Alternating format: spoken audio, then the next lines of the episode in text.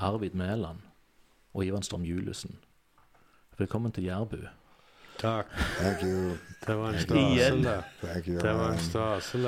Okay. Nå, nå bare si programlederen er litt motlause, for nå har vi holdt på i to timer, så han glemte å skru på lyden. Men jeg sier det er jo like fint med radio uten lyd, Det så er nesten så vi skulle holdt på med dette. Ja, ja, ja. ja. Det går så bra. Ja, det er, det er ekstremt, ekstremt bittert, for det har vært veldig veldig gildt fram til nå. Men det har bare vært noe med triokontkose som er We'll do it again. ja. We'll do it again. Men bare for å legge opp til det der vi var Når Ivan kom ut av bilen her i sted, Mhm. så sa jeg takk for sist til Ivan. Han husker ikke hvem jeg var. Nå kom det fram i samtaler etterpå hvem jeg var da. Det er at jeg var en, jeg var en liten, liten pjokk første gang jeg traff Ivan. Og Ivan var en venn med, med far min, musikeren. Og jeg tror det er på den tida der, siden vi snakket om han nå nettopp Det var ikke så mange venner han hadde her, tror jeg, på, på denne tida her. Nei, jeg var en av hans eh, gode venner. Han var jo han var like mye hjemme hos meg som han var hjemme sjøl. Ja. Men du må ta med navnet på han, for det var et Ja, og tøft det er jo den gode late great, dessverre, som ikke lever lenger nå. Nei. Lastimir Danilovic. Ja, riktig det. Ja, en fantastisk musiker. Så, øh, og når jeg ser på deg nå, så ser jeg det at du er snytt ut av begge neseborene hans. Ja, Ja, og litt til. Ja. Så jeg, hadde, jeg, husker, jeg husker det var um, et av mine aller tidligste barndomsminner. Det var, vi var oppe um, hos eh, deg i, i huset. Ja. Og så Mor og far var jo ikke sammen. De var jo ikke sammen store deler av tida, eller noen gang nesten. Ikke så mye, Nei, nei, nei. dessverre. Og så, og så tror jeg mor ringte og skulle ha, skulle ha meg med hjem. Og så ville far at vi skulle være hos deg litt grann lenger. Ja, Jeg tror ikke jeg hadde noe lyst til å reise da heller, så jeg ble veldig lei meg. ja. Og så ga du meg dette her vi snakket om at Ivan er veldig gavmild og ydmyk og, og sånt. Og da fikk jeg en liten sånn en miniatyrbibel, eller en liten sånn en treelefant. Jeg husker ikke helt hva det var. Jeg fikk begge deler av det. ja stemmer det. Var det sånt noe. Mm. Og jeg tenkte, jeg tenkte faktisk litt på det der med at når jeg flytter tilbake ned til Jæren, så vet jeg at du er kanskje den eneste her som, som på en måte har bilder av far min i Ja. hodet sitt. Ut, ja. utenom meg. Det er egentlig ingen andre. Nei, egentlig ikke. Da. Ja, noen Nei. musikere vi spilte sammen med. Ja, Ja, selvfølgelig. Men, men ellers ikke så veldig mye. Nei, nei. Og jeg, og, jeg, og jeg tenkte jo det at det er jo bare å slå på tråden og, og treffe, treffe Ivan igjen ikke sant? og snakke om, om, om hvordan det var. For dette, det var jo ikke så lenge siden far min hadde, hadde dødd osv. Men, men det, som jeg, det som jeg fikk høre, var jo det at det Ivan han, altså Det er så utrolig mange her som betrakter han som sin venn. Mm. Altså helt sånn utrolig mange. ja, ja. Og, og det som vi snakket om her litt grann tidligere, med at du hadde hatt en barndom som ga deg en sånn en ydmykhet, en sånn hard barndom. Ja, det stemmer. Det er Jeg stammer fra en taterfamilie. Mm. Eh, eh, taterkongen eh, Store-Johan, min oldefar. Mm. Og, og det fikk jo folk rundt omkring greie på det. Og så jeg ble mobba like mye av lærerne mine som jeg ble mobba av folk. Og, og banka på hjula opp i, langt opp i ungdomsåra hele veien. Og det lærte deg ydmykhet. Mm. Og den ydmykheten, den, den gjør at du egentlig ikke blir så veldig selvforherligende. Nei. Jeg har eh, lett for å legge meg på det laveste planet, for å si det sånn. Mm. For at eh, Jeg har aldri følt meg no, noen ting. Det eneste jeg følte, det var det at jeg måtte fortsette med det som faren min holdt på med. Den eh, figurative kunsten. Og det var det som Faren var, faren var kunstner. Faren min var kunstner hele livet. Han var treskjærer og maler og keramiker. Mm. Og hans største ønske var at jeg ville fortsette i hans spor. Mm. Og det så jeg som en stor oppgave. Og, men så måtte jeg kjøre gjennom mange år som musiker da først. Blant annet da dermed med faren din, som jeg spilte med i senere tiden. da. Ja. Ja. Han, ja. Det der med at du kom til, kom til altså jeg, tenker, jeg kan tenke meg at for faren min Han var jo en veldig sånn outsider Ja, når han, når han kom til. Jæren. Han var jo egentlig det. Ja.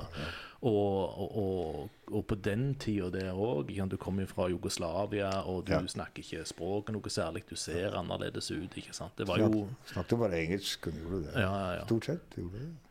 Ja, altså, ja, når jeg var liten, så snakket jo han Så var det jo engelsk det gikk i. Altså. Men, men, men hvordan var det for, for deg på den tida? Var du òg Var du på en måte kjent og elsket av jærbuen da, sånn som du er nå, eller var det òg litt sånn utafor tida? Egentlig kom jo rekende sitt uh, med toget med 400 kroner i lomma. Ikke hadde noen plass å bo. Du gjorde det, ja? Ja, ja. ja. Når var dette? Dette var vel rett før 80. Oi. Da hadde jeg, sto jeg på stasjonen her nede på Bryne og visste ikke hvor jeg skulle hen. Jeg hadde 400 kroner i lomma. Jeg kjøpte en gammel klokke av en tater på veien opp her til 100 kroner. Så hadde jeg 300 kroner igjen. Mm. Og visste ikke hva jeg skulle gjøre av meg, for jeg hadde verken hus, heim, jobb, helse eller noen ting. Jeg hadde ingenting. Jeg sto bare på stasjonen her med en koffert.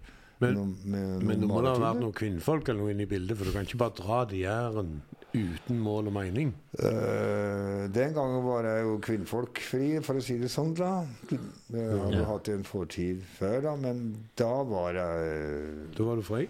Ja, jeg hadde en frakk og et par sko, og så Men, En- hvorf, men hvorfor, men hvorfor, hvorfor, hvorfor Jæren av alle gudsforlatte plasser? Jo, for jeg kjente en kar her.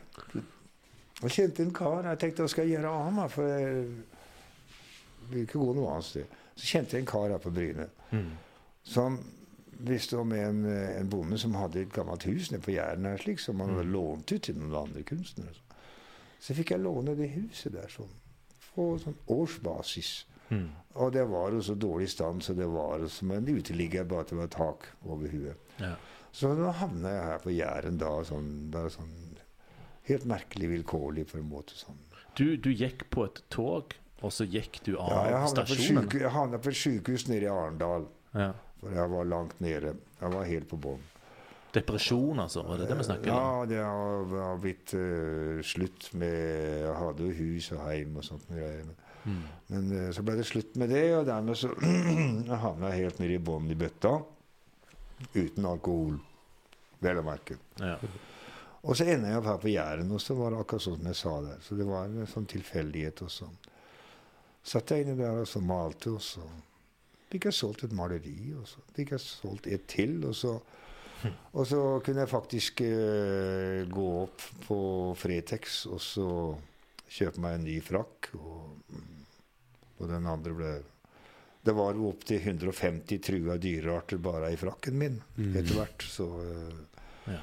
Så, sånn, så, sånn tok det seg litt opp eh, sånn etter hvert. Og, Sånn. og hvordan, hvordan reagerte jærbuene på deg da? Altså En kar som gikk rundt i en mørk frakk rundt forbi Bryne, liksom, og ikke gjorde Eh, når jeg skulle opp til naboen min og spørre om noen ting der oppe, så kom kona hans ut. Og hun ble så redd så hun fikk se meg, så hun sprang ned i kjelleren og låste igjen døra. Så, så, eh, så, så, eh, så det er det med det Hvis jeg kikker på en unge her, er sånt enten så holder de helt kjeft, eller så begynner de å skrike. Ja. Så jeg var litt sånn en fremmed fugl, da, ikke sant, vet du, og sånn som det der. Så, så litt rar ut. Jeg så litt stygg og fæl ut. Han har, sånn. han har litt historie med det der han er, så han forteller om hvor sanne de er, vet ikke jeg, men han forteller det at um, eh, når han ble født, eh, da hadde han en bror som ble født to år før, og han, han var så stygg, han kunne de ikke ha, så han måtte de kaste. Så da tillot de litt ekstra når Ivan kom, men helt til han var tre år, så satte faren bleia i trynet på han, han sette feil. Ja, han så ikke forskjell på opp og ned på meg. Jeg var så stygg da jeg ble født, så. han satt faktisk bleien i trynet på meg da han skulle prøve å hjelpe til. Når Ivan forteller det til henne, så er han så dønn seriøs. Jeg, jeg tror De lurer- de lurer 50% tror på han, men sånn er det. Ja, sånn var livet den gangen. Det var hardt. Men det sosiale, det sosiale livet, gikk det Altså, du gikk og malte. Du får, får ikke mange venner ut av, ut av det. Det tar jo lang tid. Men du begynte å spille parallelt, eller du fant Nei, jeg bandmedlemmer? spilte ingenting på den tiden. Da, det er først nå jeg i min alder av 77 år at jeg er blitt rockemusiker. Så nå spiller jeg rockeband. Ja, det har jeg faktisk sett. Spil, spilte, plakater. spilte senest i går. Ja, ja, Hadde ja. dere konsert i går? Ja, vi spilte inne på en pub inne i Jeg spilte i et rockeband med bl.a. en kjent musiker her på Jæren som heter Oddvar Solheim, en gitarist og en annen sanger inne på Sandnes. Som er, så, eh, så, så jeg satt og malte. altså De første 15 åra satt jeg og malte. Da var jeg tre ganger oppe på puben på Bryne i løpet av de åra der. Og da var jeg et kvarter av gangen med en kopp kaffe. Ellers så satt jeg i 15 år i en stol og bare malte hele veien. Det Var aldri ute på noen ting. Må jo kunne bli gal av Nei, jeg var så opptatt av det jeg skulle gjøre. Vet du. Jeg var så opptatt av det jeg skulle gjøre. Det er kald. Ja, det er et kall. Også når du føler du får det Ja, til. det er et så- Det var det som Jeg fant ut at det, hvis det var noen meninger med livet mitt, så var det da først og fremst musikken, mm. men så var det kunsten. Og det hadde jeg bestemt meg for allerede i en alder av 17 år at jeg skulle gjøre. Men jeg måtte kjøre igjen med det musikklivet først. Ja, riktig. Ivan har spilt i buss og rull, så han har vært med på mange ting sånn. Mm. Ja, fire år med tre bussrull. Det var en kjekk tid. Men det som, jeg, det, som jeg, eh, det som jeg spurte om akkurat jeg fant ut at eh, jeg hadde ødelagt eh, lyden her, det er jo at eh, jeg ser på dere to Det dere har til felles, er jo det at dere har en sånn vanvittig evne til å ta med jærbøen inn i en annerledes verden. En verden dere langt på vei lager sjøl. Du har på en måte den estetiske verdenen din, Ivan, og hvordan du på en måte iscenesetter deg sjøl. Du er jo et slags vandrende kunstverk. Du, Arvid, du er en slags seremonimester på en måte. ikke sant? Du bestemmer deg for at noe er sånn som det er, og så, holder du, og så bare lager du den virkeligheten din. Og den- Oppe på Laubrak er litt det samme. Du stikker en plass. Nei, dette her er Kongsdalen. Stemmer Ikke det. Og så kommer det en bilde av kong Olav opp der, eller hva det er for noe. Også, ikke sant? Altså, altså det, det er jo magi. Det- Ikke forstår du hva jeg mener? Og, og, og, Ja, og, bare det går nok tid, så blir jo det der Ja da. kongs... Så det, jeg syns jo det er litt tøft jeg, når de på butikken eller andre plasser jeg snakker med folk for Det er jo Laubag og halve Bjerkreim har jo aldri vært der, ikke sant? Ja. Og, jeg bruker det i Kongsdalen, jeg bruker det hele veien, for det, jeg ikke det er Kongsdalen, så vet, du, Når folk da kommer fra Østlandet, og var noen fra Førde nå, så spør de etter Kongsdalen. så er det ingen lokale som har hørt om han. Så Men jeg syns det er så fint vet du, når det gjelder Arvid, sånn som jeg ser på Arvid. Ikke sant? Og så, Ja. så sitter han gangen kanskje nede i bilen min på parkeringsplassen på M44, og så ser jeg på folk. Og så er de så A4, ikke sant. Og, du, og kvinnfolka kler seg akkurat som mannfolka. Du ser, ikke forskjell på mannfolk og kvinnfolk. Alle er som forma inn i, i et A4-format, og ingen skal gå ut av det der. Og så det var jo veldig eh, trist da når Arvid flytta ut fra Bryne. For at det, det er jo en, en fryktelig stor mangel på sånne fargeklatter som Arvid. ikke sant? Som, eh, som kan få folk til å leve opp og være litt unger og ha litt moro igjen. Og være noe som er totalt utenom det vi ser rundt omkring oss. Så verden mangler den der fargeklattene som, eh, som, som Arvid er. Så det jeg ser på han som en rikdom blant folk. ikke sant? Som Klart han er det. tør å gjøre det han gjør, selv om han kanskje går på dunken noen ganger. ikke sant? Og allikevel som en utrettelig eh, evne til å komme seg videre uansett. Og, De sier, de sier det, ja, de sier, 'hjarta på rette staden. Er det ikke det de sier? ja, ja, ja, ja. Men, men jeg tenker så, Det dere har til felles, det er dere, dere er to magikere på den måten der. Dere lager en egen verden og drar folk inn i det. Men dere er òg nokså forskjellige, føler jeg, når jeg ser dere. Du, Ivan, du har dette herne mørket og alvoret i deg. ja. Og, dy og dybden, sier du, eh, Arvid. ja, det er Ivan, veldig ja. dybden når han Ja. kommer frem, ikke sant? Ja, ja. Men, men mens, mens du, Arvid, hvis jeg måtte bare skal spekulere litt, kan du er litt mer sånn Du har det der, den barnslige gløden, det vidla blikk, impulsiviteten, manglende tålmodighet, kanskje. Mm, ja. Ikke sant? Dere vil jo kanskje lett gå på nervene til hverandre hvis dere blir stengt inne lenge nok i lag. Eller hva, tror- hva tror du om det, Ivan? Ja, jeg tror nok gjerne det.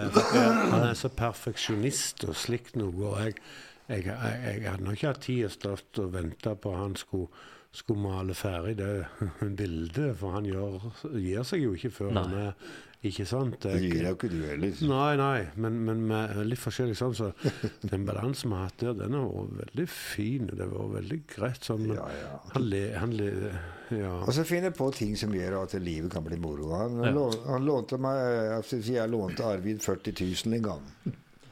Da, da, mangla han noe penger til noe øl til en fest han skulle ha på huset på Ja. Jæren. For det- Ja, ok, jeg tenkte her er jo det. Men det som var kjekke med det, var måten han betalte tilbake. Han kom jo med en sekk med 40 000 kroner i femkroninger i kronestykker. Dette må betale tilbake, pluss renter. Ja, men Hvorfor det? Ja, men så, Oi, det var ikke fra kassen, det. Ja, ja, ja. Hadde du vippsa, det var jo ikke så gildt. Så det var Nei, men du er enig i det hvis du har fått de på vips? Det var ikke så gildt så du får en hel sekk. En sekk med penger er kjekkere eller vips. Det kan jo skje at du har penger. Ja, ja, ja, ja, Vips, det er jo bare Hva er det for noe greier? Det er ingenting. Nei, faen, sant for det. Det er dere- sånne ting som er ja. bra. Men, men det at dere er litt sånn eksentriske, hvis jeg kan bruke det ordet, begge to Kjent hverandre så lenge. I 30 år, når han donerte en frakk til auksjon, som du sa. Stemmer.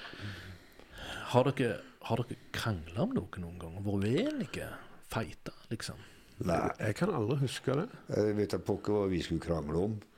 Nei, jeg, jeg, jeg, Det er jeg samme aldri galningene begge to. ikke sant? Vi tenker jo likt når det gjelder ja, ja. ja. det moro og kjekt og greit og sånn. Så Ja, ja, nei, jeg, jeg har ikke Jeg, jeg vet om en mulig kandidat dere du kunne slåss om. Ja vel? Dame. Ja, men Men, men, men men, eh, Men eh, Ja, og gjerne det, men altså ja, sånn der er- krangla der er- er-. For Nei, nei, nei, men han sier det var mulighet der, for, for Ja, ja. vi har jo likt dame, da, men, men Det var det jeg mente, ja. Ikke sant? Ja, det gjør vi jo. Ja. Det hadde vært rart om vi ikke hadde gjort det. Men jeg, jeg ser uh, forandra ditt syn på det der òg, med damer. og Nå har jeg nettopp vært gjennom en uh, legge midt i en forelskelse som Ja. var i 14. juli i fjor. Uh, Så jeg måtte håndtere i og med jeg inviterte til dette bryllupet lenge før jeg traff brura. Seriøse ting. Ja, så nå, nå må jeg måtte håndtere det. Dette har jo blitt en, en stor del av TV-serien, som Ivan òg er en stor del av. Det må Og- vi snakke om. Ja da, vi skal komme på TV-serien, men jeg, jeg må bare si det. Så gjerne Ivan òg merker nå, for det Ivans fjerde kone var Bente, og nå blir den femte kona òg Bente. Og han er det hakket eldre enn meg.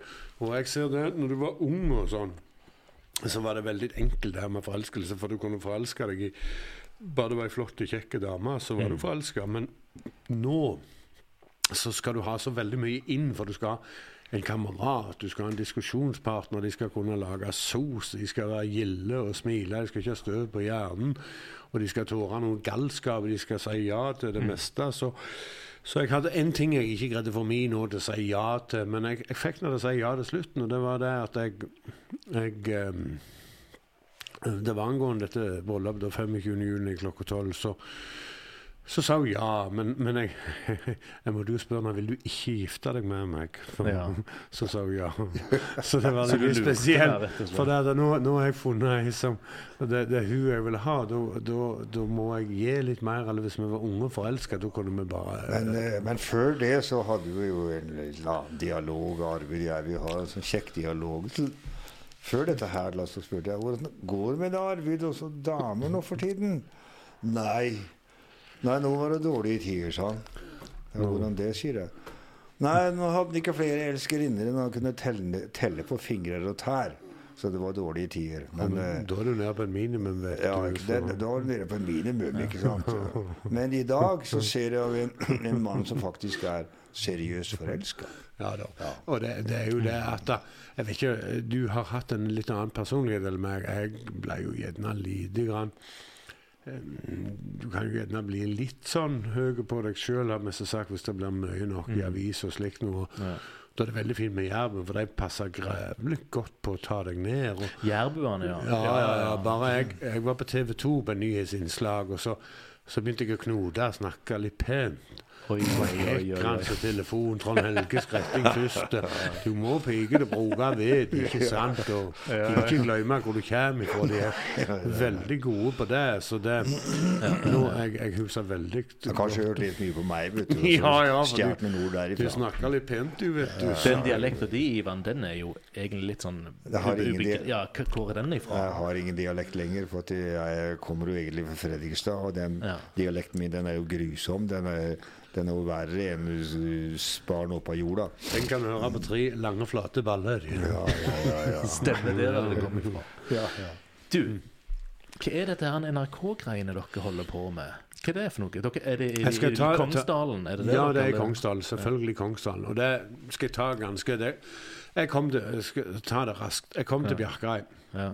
Jeg googla det før, har funnet drømmeplassen. ikke sant, Nimme til Jæren. Men også sånn at uh, Du ikke det var òg miga på hyttene uten noen så deg. Så den gard med 12 000 mål, og der har jeg en kjøpekontrakt, så jeg har tre år på meg å bestemme om jeg kjøper det. Men uh, så tenkte jeg jeg må gjøre litt med bygda i takt av det jeg kommer her i det samme. Og så var det broren min som satte meg på ideen, og så skal vi ha Gud kong Harald. Uh, det har vært ei voldsom tenning på det i Oslo. Eh, NRK i Oslo syntes det var veldig, og de begynte å spørre litt lokalt her. Eh, NRK, hva er det slags mann det her som kan ha sånn en idé?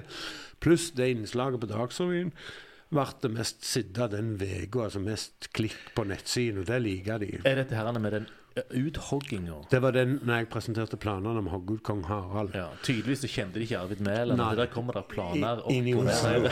I Oslo. Men de fikk en skikkelig tenning på det der. Og så er det, er det sånn at NRK de ligger bak TV 2 i aldersgruppa fra 18 år til 50 år med lavere utdanning. Og der kom du inn som Ja, en for nisje. 2 er TV 2 er lotepus og alle disse nærene. sånn, eh, sånn som de er. Ja, ja, ikke sant? Så det var i grunnen det de var på jakt etter. Så starta de med dette skulle være en sånn en eh, dokumentar om ting jeg hadde gjort. Eh, To-tre mann var sett på saken med ganske greit budsjett. og Eh, så gjorde de enorm research. altså Det var så helt enormt. Skulle sett den der tjukke boka de kom opp når de skulle prøve å snakke med meg og høre om jeg ville det der. Ja. Det var ikke småtteri.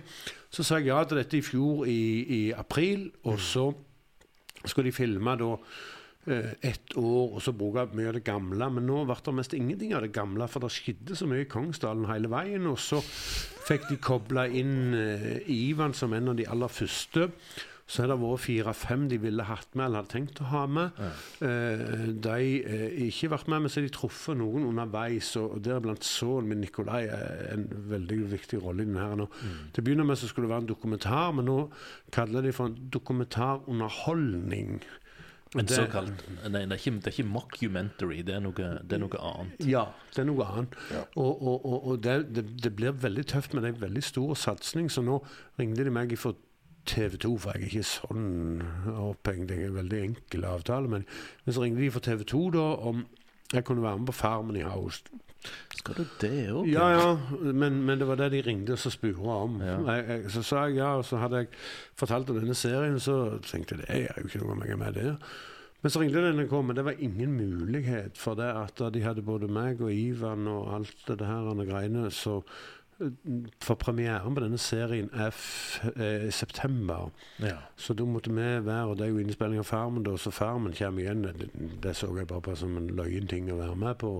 Kunne trengt en ny bil, for de bilene mine er så gamle.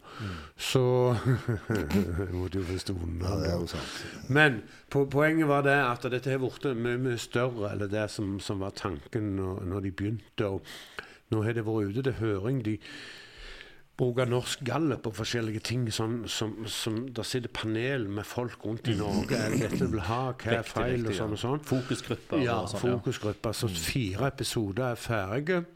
Uh, og den femte skal lages. Uh, holder de på med nå. Pluss finalen er Når det ikke var vært bryllup, da, så ble det meg og Ivan som feira. Jeg trodde det var 130 år, men det var en journalist som ringte og sa det var 131 år. For du var ett år mer Ja. enn jeg visste. Ja, det var det. Så, så det at var 131-årsdagen vår skal feires 25.6 eh, oppe i Kongsdalen, da, og da skal NRK filme slutten på, på den eh, femte episoden. Og så skal de vise de to første episodene for de som kommer der. Og så skal Ivan da eh, skrive hvem gris der oppe som jeg etter som heter Obelix. Hva, er- Ivan skal gjøre, sier du? Han skal Eh, han, han skal, du ser, I- Ivan han ble en gang adla i Skottland av en lord. Hva heter han som adla deg? Lawrence Oliver Oliphant. Ja. Og så gjorde jeg litt research, og Ivan han kan ikke adle folk på, videre med, i og med han Jeg kan adler egentlig det, for jeg kommer Jeg har slekt i adelsslekten Sparre i Danmark. Ok, jeg så du- stammer fra en adelsslekt i Danmark, ja. Så jeg du kan i grunnen adle Så jeg kan adle. Ja, for jeg, jeg trodde du kunne bare adle griser, jeg, da. Derfor så skal vi adle denne. Og det. dette tar han seriøst nå, for nå har han fått med Sildakongen, er ikke det du sier, og skrevet talen? Nei, vi skrev en tale der. Men jeg sa jo til Arvid det at adle en gris, det ligger under min verdighet. Med adelsslekt i bak. Så jeg tenkte jeg skulle gjøre det på én betingelse. Hvis jeg kan få hogge huet av grisen samtidig, så skal jeg gjøre det. Men det gikk ikke gjennom hos Vi har Arvid. forhandla, så vi har fått det til. NRK. Eller NRK, Ja, ja. Ja, ja, ja. Men det, det som er litt Ja, men Obelix all, all, altså, Alle har med en historie. Vi var heldige. Ivan kunne ikke levd av å male uten det var folk rundt som tok og så kjøpte bildene hans. ikke sant? Det. Det hadde ikke gått. Jeg, jeg kunne ikke reist rundt i været vår sju ganger til Kilimanjaro og sånne ting uten folk trodde på meg og var med meg. Som gjorde Tor, at jeg kunne hatt tårde å være med tok en sjanse. Obelix. Jeg med sånn grise, sånn frilansgrise, og driver ennå med det. Og selger det folk. Skal de ha et godt liv, og så, når døden kommer, så kommer han. Obelix han var født til hanngris og ble kastrert. Det betyr det eneste Han var født til 7. april for to år siden. Det eneste han kunne bli, det var død. Eh, Så hadde jeg 130 griser, og så tok jeg inn ti om gangen. Ja. Og så slakta disse og leverte de rundt i Holmenkollen og rundt i Oslo. Eh, og hver gang så lurte Obelix meg, for jeg tok alltid de største. Så han var så smart, og på slutten så tykte jeg litt synd om han, for da, var det bare 20 igjen, og han hadde lurt meg og lurt meg og var så stor. Så la jeg ut en story på Facebook-sida mi, og så skriver jeg Obelix han er født kun for å dø. Kun for å bli mat. Jeg tror jeg leste den Ja, det var han, hans eneste mm, mm, Det var det eneste i hans liv. Ja, ja, Og jeg har gitt han så godt liv han kan ha nå. Men kanskje det er med Obelix og det er med kalkunene i, i USA. De tar én som får leve, som får et liv. Så skrev jeg noen som være med. Så var det nesten rett, rett under 200 stykk som betalte inn ei uke, ei ukes mat. Jeg må ikke si en ukes fôring, for det er sånn en ja. Ja, ei ukes mat til Obelix. Og det gjør at han har fått uh, 200 uker ekstra å leve. Og når han da bor i Kongsdalen og, og, og han heter Obelix, så det er derfor han skal da Baron Obelix av Han Kongsdalen. han skal adles. Ja. Så hvis jeg, hvis jeg forstår deg riktig nå, så har du Lauparek som du har la, la, gjort om til Kongsdalen. Ja, ja, ja. Ikke sant? Uten at kongen har egentlig ting der å gjøre noen gang. Nei, men han kommer jo der. Ja. Skal jo hogge han ut der. Du, ja, du får dette til å manifestere seg på en eller annen måte. I tillegg til det så har du besjela en gris for de jærske publikummene. Ja. Så du nå holder som gissel at de er nødt til å betale en kontingent for at du ikke skal ta livet av denne Ja. grisen. Ja, ja, Det er utpressing. ja, ja, ja. Og dette her, NRK lager en serie om dette her. Mm. Så har og jeg, min gode venn Skyldakongen, har uh, skrevet ut ferge. en liten tale som skal skje da. Men så er det, kan vi få den der jævla grisen til å stå stille mens jeg skal adle den, for han skal jo slås med sverd på begge skuldre. Går det? Ja, ja, ja, nei, jeg skal det, jeg har kontroll på den. Hvor gjorde den det? var Eller? fo, fo, fôrer den ikke dagen før, så er han med huet Kan ikke gi et par eh, morfintabletter og sånt, for han holder Ja, det holder ikke med par. Dyrebeskyttelsen. Dyrebeskyttelsen. Ja, kommer den. Ja, men han har allerede blitt 400 kilo, så du må jo ha ei hel bøtte med piller. En Altså. bøtte med narkotika i fôret, og så holder han seg rolig. Skal jeg ha noe for Adland, tenker jeg. Ja, ja, ja. ja, ja, ja. Den blir adla. Men, men dette her dette her har vært under innspilling allerede. Du, Ivan, har blitt filma oppi dette her allerede, eller? Jeg har blitt uh, filma ganske mye, men ikke akkurat den adlinga. Den, den står igjen. Og, Den skal vi filme, da. Det er alle hjertelig velkomne. Vi tar 500 kroner i VIPS for det at vi har hyrt inn band, og så er det to middagsserveringer, og, og han um, Hva var det heter? Er det Skamskutt det heter Bandet nå. Ja. ja. ja, jeg skal være med og spille, da. Vi har et band. Skamskutt, ja. Ja, Mm. det heter Skamskutt, ja. Vi, Det må, vi, ja, det må vi plugge litt. Grann. Skamskutt det er da det nye bandet til Ivan. Og dere spiller dere fast, eller hvordan ja, er vi spiller rundt omkring da. vet du. Vi har band. Grunnen til at vi heter Skamskutt, er at eh, gitaristen vår, Oddvar Solheim, jeg kom igjen og hadde en, en Fender-gitar, en dyr gitar. Skulle skåte hull i den. Ja. Ja, så tok jeg hagle, og så skjøt vi hull i alle gitarene våre. ikke sant? Men du spiller like bra ennå. Og dermed så kom navnet Skamskutt på. da, ikke sant? Ja. Og vi skal spille litt der oppe på den festen der oppe da. Ja. Ja. ja, for det er, en, er en fest så dere inviterer 25. hver mann. juni klokka 12. Da er alle som lytter på Jærpodden og sånn, de skal bare vippse på telefonnummeret mitt, så de må finne ut. Ja. Og så Og så får de middag, og sånn, men derfor vi skal kunne lage nok middag. Og så er Bente, Ivans kone nummer fire av fem, hun Mm. har utstilling der oppe. Eh, det er taler. Og det er altså visning av de to første episodene i det som heter 'Cowboyen og kongen'. da. På storskjerm, da? Eller På storskjerm. Ja, NRK som kommer og viser det. Så da, ja, ja, og dette her er jo Dette her er jo på en måte litt grann det du holder på med, Arvid. For du, har- du har bygd, om, bygd opp Laupark, eller Kongsdalen, til en slags destinasjon. Ja, ja. Jeg bygde opp ei kongsstove, så var det jeg glemte jo å søke om dette, for det går litt fortere med meg. Eller andre. Så jeg Jeg har litt på- styr i vinter nå med det, men nå har jeg fått det godkjent. Jeg lurer på om det er bare en sånn PR-strategi du bruker og har brukt før. For hver eneste gang du skal gjøre, samme hva det er for noe, så er det klatt med søknader. Kan være og og trøbbel. det. Ja, men kan det være noe sånt? Ja, det er nok en ko- kombi, altså. Men han sitter og lærer litt, han. Men han glemmer av og til noen sånne søknader, han òg, jeg sett. Ja. det begynner å være en stund siden, altså. Men, men det, det er klart du må søke. Men jeg har søkt så mye i mitt liv at nå prøver jeg å søke minst mulig. Men når det må til, så må jeg òg det.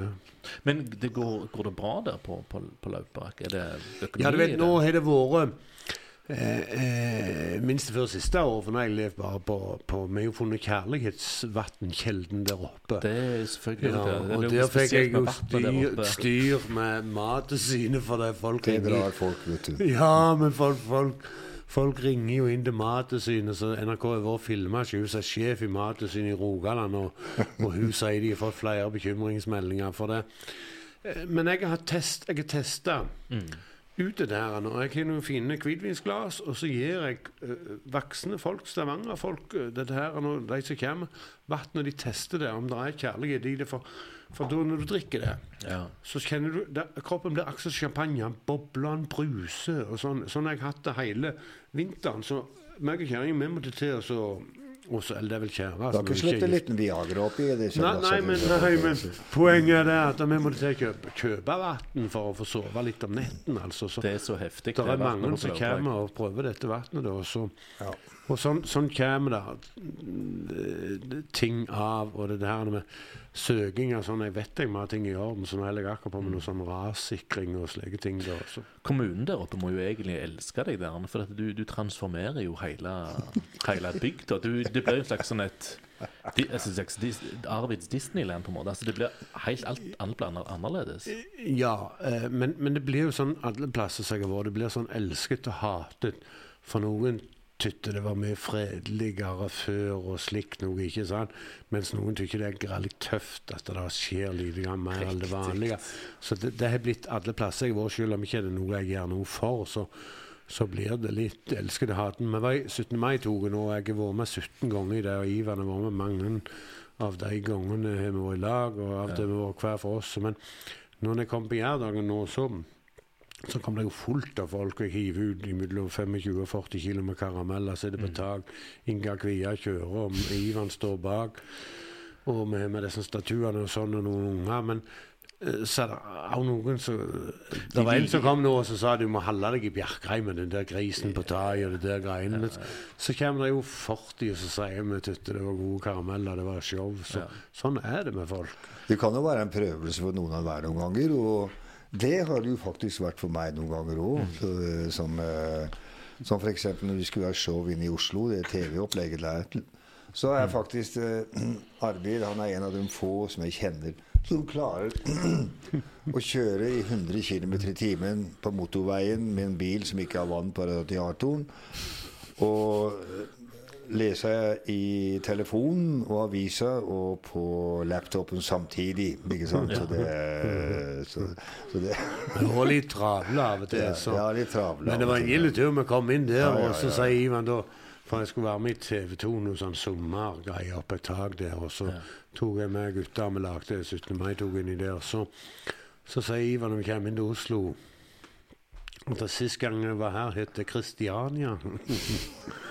og så kommer det til, til Slottet, så sier han Nei, her var pent, her ville jeg bygd ei hytte. Så er det i Slottsparken, så det var jo sant nok, det. Ja, det var fint der inne. Det var kjekt, det. Det var, det var bra. Er, det. er, er det noen gang litt sånn plagsomt for deg, Ivan, når, Arvid kommer innom og liksom forstyrrer deg opp i maling og skal ha deg med på disse ville Aldri. turene Jeg sine? sitter og heller venter på neste gang han skal komme, for han kommer jo ikke så veldig ofte nå for tida pga. han er jo gardbruker, så det, Ja, ja. det blir litt for sjeldent. Ja. For, Og eh, nyforelska.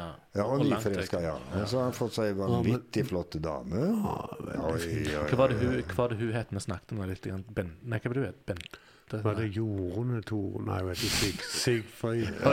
Sigfrid Vassbø, vet du. Sigfrid Vassbø. Hva er det som gjør henne så bra, da? Nei, det er altså Det er, som, det er Garpen, og så er det, det er the real deal, kan du si. Jeg har jo hatt bare gode koner, men hun her Og så er hun intelligent og vakker. ja, og intelligent og er vakker. Og så er hun Hun får meg til å le, vet du. Hvis du kommer på noe, Ja. Ja. så, så vekker hun meg midt på natta for å fortelle det der, vet du. Så jeg husker da noen måneder ut i forholdet, da da vekket hun meg da skulle hun fortelle om livet til hamsteren som sprang det der hjulet med så bare på gleip og garp. Så hun, finner på alt mulig. Og det Oi sann. Oi sann, jeg skal ta vekk Nei, nå var det mor som ringte. Må bare skal, ta den hvis du nei, men jeg skal ringe opp igjen. Jeg holder på å deale det. er jo Alle mulige ting vi styrer på. Men, men det er altså et eget skikkelig bjerkreisoppdrett da. Og, Hun, hun, hun, Ja, hun ja. hun Hun, er, er, er- er fra Bjerkreim. ja da, Ørsdalen. Så, så det var jo det som gjorde Nei. Du sjekker stamtavler og hele greia? Ja, ja, ja, vi gir gjennom har en bror og søster. Nei, det, det er noe helt fantastisk. Men, men, men det, det som, som er, vet du Jeg må fortelle det. Når jeg flytter der inn, ikke sant, Mm. Og så bestemte jeg skulle gifte meg et år, da jeg vært år alene der. Det er tre måneder uten sol. Og så må jeg komme på å si jeg var 20 år, Mm. så jeg vært på andre siden hvert hvert hvert år. Eh, og fått sol og varme, ikke sant. Nå var jeg på karneval i Rio nå med ei gruppe, men ellers så så jeg to år der inne og var låst. Og jeg, jeg uten da kone Jeg har hatt kone siden jeg var 16 år. Så, så, så, så ble jeg veldig Det var ikke for meg å være ungkar, ikke sant. Nei, nei. Å være aleine. Så så da uh, sto det i Jærbladet at jeg, jeg ville hatt, absolutt ta tak i ei kone nå. og sånn. Så kom det to karer fra Nærbø. Uh, en hadde vært møsekjører, og en hadde vært kirketjener. Og begge to var en- enkemenn, og de var 2 og 94 år. Så jeg leser dette i Jærbladet. Jeg kjente de ikke, jeg, altså. Men så kom de kjørende inn, og etter den veien inn til meg, den er jo litt spesiell, for du tror jo Det er jo en fjellvei over fjellet, dette her, og så er det 16 km fra hjerten. Bare rett inn i fjellet. Det er ikke mobilsignal, ingenting Oi. sånn. Så du kommer inn der, når de kom inn der, så satte de seg rett ned da, på noen stoler jeg hadde der, de sa ikke noe, tok han ene opp eh, munnspillet, og, så, og så spilte han, og så sier de Arvid når vi har kjørt inn denne veien og tenker hvordan her kan være om vinteren, altså Du kommer aldri til å få tak i noe normalt kvinnfolk som kan tenke seg å bo inni her. Så Nei. det var jo utfordringer jeg ikke hadde tenkt på. Så sier de det, du må Ja. prøve å få noen fra noe kirkesamfunn som er utstøtt, eller et eller annet slikt noe. For, Så kan, for, eller kan forbarme seg over ja, deg. Ja. ikke sant? Men, men, men da gjenbruke nasjonalt. ja, men da, da, da hadde det seg sånn at det, det som gjorde jeg trefte på henne, det var jo det jeg hadde hatt med en som er sjef på disse glattkjøringsbanene i Norge. Eh, og, og han hadde vært med og kjørt Route 66 og var på besøk her for det huset styrer med den der glattkjøringsbanen oppe og bue der. Og så mm, sier han jeg ser at Arvid er flyttet til Bjerkreim, kan du vise meg hvor han bor? Så kom hun kjørende ned med han. Og du vet, da I den tida var jeg voldsomt på jakt etter kona Epne. da, så, så det at jeg spurte jo med en gang Hun hadde ikke noe stut. Så, så, så tenkte jeg hvordan skulle jeg gjøre det der? Idet med hun kom ut av bilen? eller? Ja, ja. Det var Det var, på, sånn. det var på tide å Ja. skifte, skifte råna, ja. Stemmer det. Så, så, så hun var alene, og det var, da var jo det jo en veldig fordel skulle jeg kona jeg er alene. Så, så det at um, eh, så, så, så hadde jeg sånn bøker. De skrev ei bok av Bjørn Møye de, om, om meg, da. Så skrev jeg grelle fort inn i den sånn Du var, du var det jeg lette etter. Eh, Finn meg på Facebook, for jeg torde ikke spørre hva het. Ja. Og så, så ga jeg bare han. Så skrev jeg bare Karmøy ut på han, for han var Karmøy som ikke fikk feil bøker. ikke sant? Så hun kom hjem da, men så jeg hadde ikke tid å vente, for jeg, der så jeg potensialet. Så jeg, jeg satte i gang med en gang på Facebook, og så søkte opp hvem der kunne være, så fant jeg ut av det da. Og så, så var jeg ikke Olav og Torbjørg Stangeland. De har ei sånn hytte nede på Sørlandet, og så var jeg der. og Hytte, ja. ja, ja, det er litt stor hytte. Det er iallfall plass, plass, men det er voldsom gjestfrihet. Og så, og så var det eh, Olav og Torbjørg, og så ja. Tormod, da. Så hadde de lagd det. Vi tok tur med båten ut om kvelden og sånn. Og så svarte hun da om kvelden at da nå så sa jeg til Ola hva skal jeg gjøre, nå fikk jeg kontakt her og sånn. Du må ta henne ut på en date. Og så sa det pling i lommen. Så skulle jeg se opp Nei, det, det hadde Ola vippsa meg 10 000. Så sa jeg, hva er det du tenker på? Nei, du må gi henne en skikkelig middag, for det der han så ut til å være skikkelig. Så 10 da så la Det jeg er meg noen kveld. Ja, det var Olav, så, så han er litt med i dette, han òg. Ja, ja. Så Olav Giftekniv. ja, Olav Giftekniv, da. Så, så da hoppet jeg i bilen neste morgen. hadde jeg denne bamsebilen, ikke sant? Men så hadde jeg noe som stelte hjemme. Men så tenkte jeg det, nå kan jeg ikke gå mer feilveier. Nå kan jeg ikke gå mer omveier for å få til dette her greiene. Så hadde jo bamsebilen, og den har jo 200 bamser på pga. jeg har hatt de barneleirene så de limte på. Og så liker jeg en som heter Jovial. Så hadde jeg sånn stereoanlegg, sette det på taket. Så hadde jeg avtalt for hun hadde sagt ja, det var med ut den middag. Sette den på taket, og så kjørte jeg inn der hun bor. og hun bor jo i sånn, ikke hundshus, men det er sånn hus som henger i hop. Altså mange hus Ja, ja, ja. i lag. Og så så fullt av folk der. Når jeg kommer jovial da på taket der og bamsebilen sånn, så tenkte jeg hvis hun tør å komme ut nå, så er den retta. Ja, da er det rett. ja, altså, Hun hadde jo må hva hun kunne for å få deg til å kjøre vekk. ja, ja, ja. Hadde du liksom bare standet sånn, Parker parkere i et annet hus. Så det gjorde hun jo ikke, da. Så var hun med, da. og Hun svetta og holdt på å gå i morsegloen, for hun tenkte det, det blir litt voldsomt. Men kjørte opp på Tinghaug og liksom fikk strekke ut øynene der og fikk kjemien. Så sier han at det var med to, altså. Og hvor lenge, hvor lenge siden er dette? Ja, det var 14. juli når klokka var fem i fjor. Huh. Så det er Å, altså så blir gift. Ivan, vi, vi, vi snakket litt grann om dette her med at kapitalen liker figurativ kunst.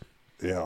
Ikke sant? I motsetning til de mer kultureliten og, og dette her. ikke sant? Men de med penger, Aker Brygge og sånt, de liker figurativ kunst. ja. Men kapitalen liker òg Arvid Mæland. Det- Han har, han har noen sånne venner Altså det at Du har Olav Stangeland som, gir, som vippser deg 10 000 kroner for å ta med damer ut på, på date. Det er Han er en for inventor, vet du, av ideer, vet du. Og kapital, den liker jo ideer. ja. Og hvis du kan kaste noe av seg, så er det klart. Så det er, det er, ikke så mange av hans type, Ja. Arvids Men jeg må, ja, men jeg må bare ta med det at, at Ola pleier ikke å vippse med penger. Da. Jeg det er pleier heller ikke- låne penger hos Ola. Vi har veldig kameratforhold. Men, men han så bled av denne her, for jeg var jo stolt av det bledet den flotte Ja, jenta. ja. Så tenkte han hun kan du ikke ta med deg på McDonald's, du må finne en skikkelig middag. Så, så, så det var nok det. Det var kameratslag han Ja, gjorde det. det, det, det tror jeg nok, men allikevel, det er jo en måte for han å sette, vise at han Ja, ja, setter veldig ja, ja, pris på deg. ikke sant? Det er helt sant. Det er Ja, helt det er klart det. det er klart det. Og, og, og det, Helt sant, og, og det vet du jo Halvard Stove, han sier wow, Ivan-bildet. Så er det det, ja? ja, ja, ja. ja da. Så, så, ja så, så sånn sett så er dere òg en slags Ja, faren hans òg hadde jo Ja, sans ja, for ja, han, eh, faren den godeste Stangeland. Han, han kjøpte en del kunst av meg i tiden. eh. Og De som kjenner til den familien, de liker jo lott og løye og galskap Ja, ja, og sånn, men så skal de voldsomt på kvalitet. Så jeg har jo lagd eh, så mange turer for Olav. Vi har vært 25 ganger på tur i lag, og vi skal reise en hel gjeng nå til Galapagos og Peru og sånn i lag. Okay. Og, og jeg lager til alt. For det at de, de leverer så mye av seg sjøl i det daglige at når de kommer på, på tur, så, så vil de ha alt gjennomtenkt.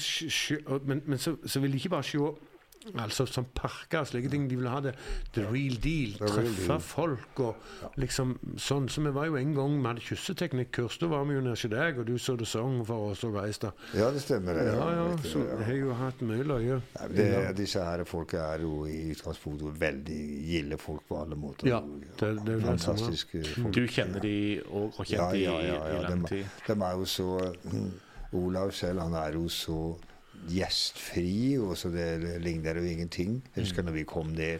Ja, vi Altså, var på hyttetur, sier han. Ja. Altså, Jeg har ikke sett maken til han sprang rundt omkring og varte av. Så det, det er noen utrolige mennesker, disse her. Ja, det, det er noen som får mer kapasitet, eller, Ja, ja. Sånn er det bare. Altså, det er jo folk som er som har mer enn 25 kroner på kontoen, ikke sant? Mm. Men de har den evnen til å være så utrolig menneskelige, og så gutta på gulvet, liksom. Det er, Mm. eh, de er så vanvittig fine. Du må ikke tro at det er noe sånn eh, upper Mm. class-tendenser hos de folka. De er folkelige. Ja, For- folkelig. Veldig bra. For, for, for, deg, Ivan, og ditt kunstner, kunstneriske virke, de som har kjøpt bildene dine Det er jo mange kunstnere, um, kanskje òg innenfor figurativt, at de får sånne mesener som kjøper Ja. kunsten nokså regelmessig og forutsigelig for å gi kunstneren på en måte en økonomisk frihet til å jobbe og en trygghet. Eh, Har Olav eller Stangeland-familien vært en, en sånn for deg, eller? Nei, det har den faktisk ikke vært, men vi eh, Du har noen andre? Gamle Stangeland, ja. Vi har jo det. Har, eh, Ja. Og, og så er det som du sier, og det er jo mange sånne store selskaper og sånn, som uh, plasserer store bilder i foajéene sine. Sånne, der liksom, Mm. ja. Men uh, det, det har aldri vært noe sånn uh, av det. De har rett og slett bare kjøpt bilder av meg, for de har, de har likt bildene. stua, de. Har likt bildene og har dem Ja. hjemme. ikke sant? Ja. Så det er jo uh, de, de har kjøpt bilder ikke for å investere i noen bilder, de har rett og slett kjøpt bilder. De, de som uh, Tesen kjøpte og dette her. De kjøpte dem for de skulle ha bildene. Ja, ja, ja. Gamle Tesen han bygde jo det ene store bildet jeg hadde, inn i veggen. Han, Ja, han hogde jo hull i veggen for å plassere bildet inn i veggen. Så, så de, de, de kjøper for de, de likte det de så. Det er det inntrykket jeg fikk. Ja. Jeg har, jeg, har, jeg har lurt litt på det. Det er sikkert flere som har. Og det er jo på en måte Hvor har alle bildene til Ivan blitt av? Ikke sant? Og, og hvordan skal på en måte ettertiden òg få tilgang til de og sånt? Er, er de fleste i, i Norge, eller er de spredd rundt forbi Jeg har utlandet? bilder både i Amerika og i Sør-Amerika og rundt omkring hele verden. Ja. Men har du, har du dokumentert de på en eller annen måte før du har solgt de unna? Altså, du har jo smalt i mange mange år. Altså, har du fått Har du fotografert de, for Ja. Nei, det, det er jo faktisk to utstillinger her som jeg ikke husker hvilke bilder det er engang, for at jeg har glemt å dokumentere det. For, for at det, når jeg har laget en utstilling ja. og solgt disse bildene der, så er det akkurat som jeg aldri har malt dem. De, ja vel. de, men de eksisterer rundt omkring i eh, Så det Men da er det uteord, det bildet ja, der. Så er- da, jeg da er det ikke det. ikke, Hjemme hos meg så har jeg ikke ett eneste bilde som jeg har malt selv. Nei. Nei, det kan jeg jo forstå, for man vil jo ikke ha de bildene rundt en sjøl etterpå. Så tenker en liksom jeg kunne gjort noe annet. Ja, for da står jeg stille. ikke sant? Ja, Jeg må, ja, ja. jeg må, jeg må videre hele Ja, ja, ja. veien. ikke sant? Så de, de forsvinner ut av hodet. Men eh, jeg vet at de er der. ikke sant? Mm. Og folk har glede av dem. Ja. Ja. Men, men hvordan altså, det er en, en ting er jo på en måte bildene som kommer jevnt og trutt, og så har du utstillingene dine. Men det er jo òg noe med det å kunne se the body of work, som det heter. Altså Ja. samlinger og sånn. Så. Hvordan, hvordan blir det sikra, på en måte? Om i det hele tatt. Hvordan skal en få lov til å se det Ivan har gjort? De vet at dere, Jeg var på utstilling til Odd Nerdrum, og det var sønnen hans som hadde en tale. Mm. Og, Odd Nerdrum er jo ikke i det vil si, jeg er jo ikke i hans klasse i det hele tatt. Men eh, han avslutter den talen der med at Odd Nerdrum aldri er innkjøpt noen gang av en offentlig institusjon i Norge. Nei. Og nå har jeg jobba her på Bryne i over 40 år. Mm. Så der så jeg det. Oi, tenkte jeg. Der var jeg òg. Jeg jeg jobba i 40 år på Bryne, Jeg har laga 20 TV-program som har vist i fire forskjellige land. Mm. Og aldri vært innkjøpt en eneste gang av en eneste institusjon Nei. på Bryne. Og heller aldri vært invitert en eneste gang Mm. til en utstilling av de utstillingsområdene som er her. Nei. Aldri en gang. Nei. Men det bryr meg ikke. Jeg har et bilde jeg, som henger på Slottet. Mm. Og da er jeg fornøyd med det. Ja. Ja. Ja. Mhm. Ja, eh, eh, ja, jeg nevnte jo det i sted. Altså Som figurativ kunstner i Norge i dag, eller i verden i dag, så får du en veldig lousy deal av establishmentet. Du Ja. slipper Ja. ikke inn, du blir ikke anerkjent som kunstner. Eller kunst i dag har jo blitt konseptuell, nærmest. Altså Det er jo ikke Det du holder på med, er jo på en måte skjønnhet og, og dette greiene her. Det var to karer som uh, hadde tatt utdannelsen sin i eh, et berømt eh, studieplass i Italia. Og det var disse Hesby-guttene. Veldig dyktige folk. Nydelige ting de var laga. Og de deltok i en sånn en fellesutstilling hvor det skulle bli utdelt en premie her på Bryne. Mm. Og dem så jeg på noen som var de to dyktigste karene som var der. De fikk òg en premie. Og det viste jo hvor bare flink eh, Bryne er til å ta vare på kunstnerne sine. For disse to her, som var så dyktige, de fikk òg en premie. Og den premien var en T-skjorte på deling. De var tvillinger. Er det sant? Ja. Ja. Men du, Sånn, tror, du eh, tror ikke det er noe de ikke tør? Nei, men jeg, altså, jeg, Jo, jeg, tenker der er du inne på noe. Ja, det er gjerne litt at du får en litt sånn For at det, når det gjelder kunstforeningene rundt omkring, så pleier jeg å si det litt drastisk. Eh, de, de kan ikke ta inn meg som ikke har utdannelse.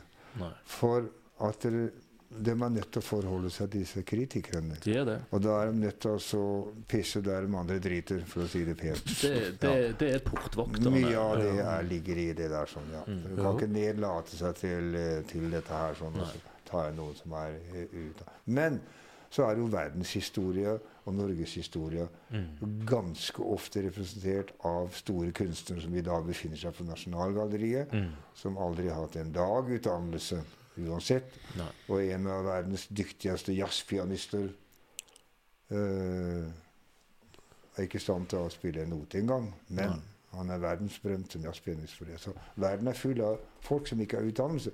Jeg ser ikke på utdannelse, jeg ser på det folk gjør. Ja. Det er det de har gjort, som mm. som kommer fra.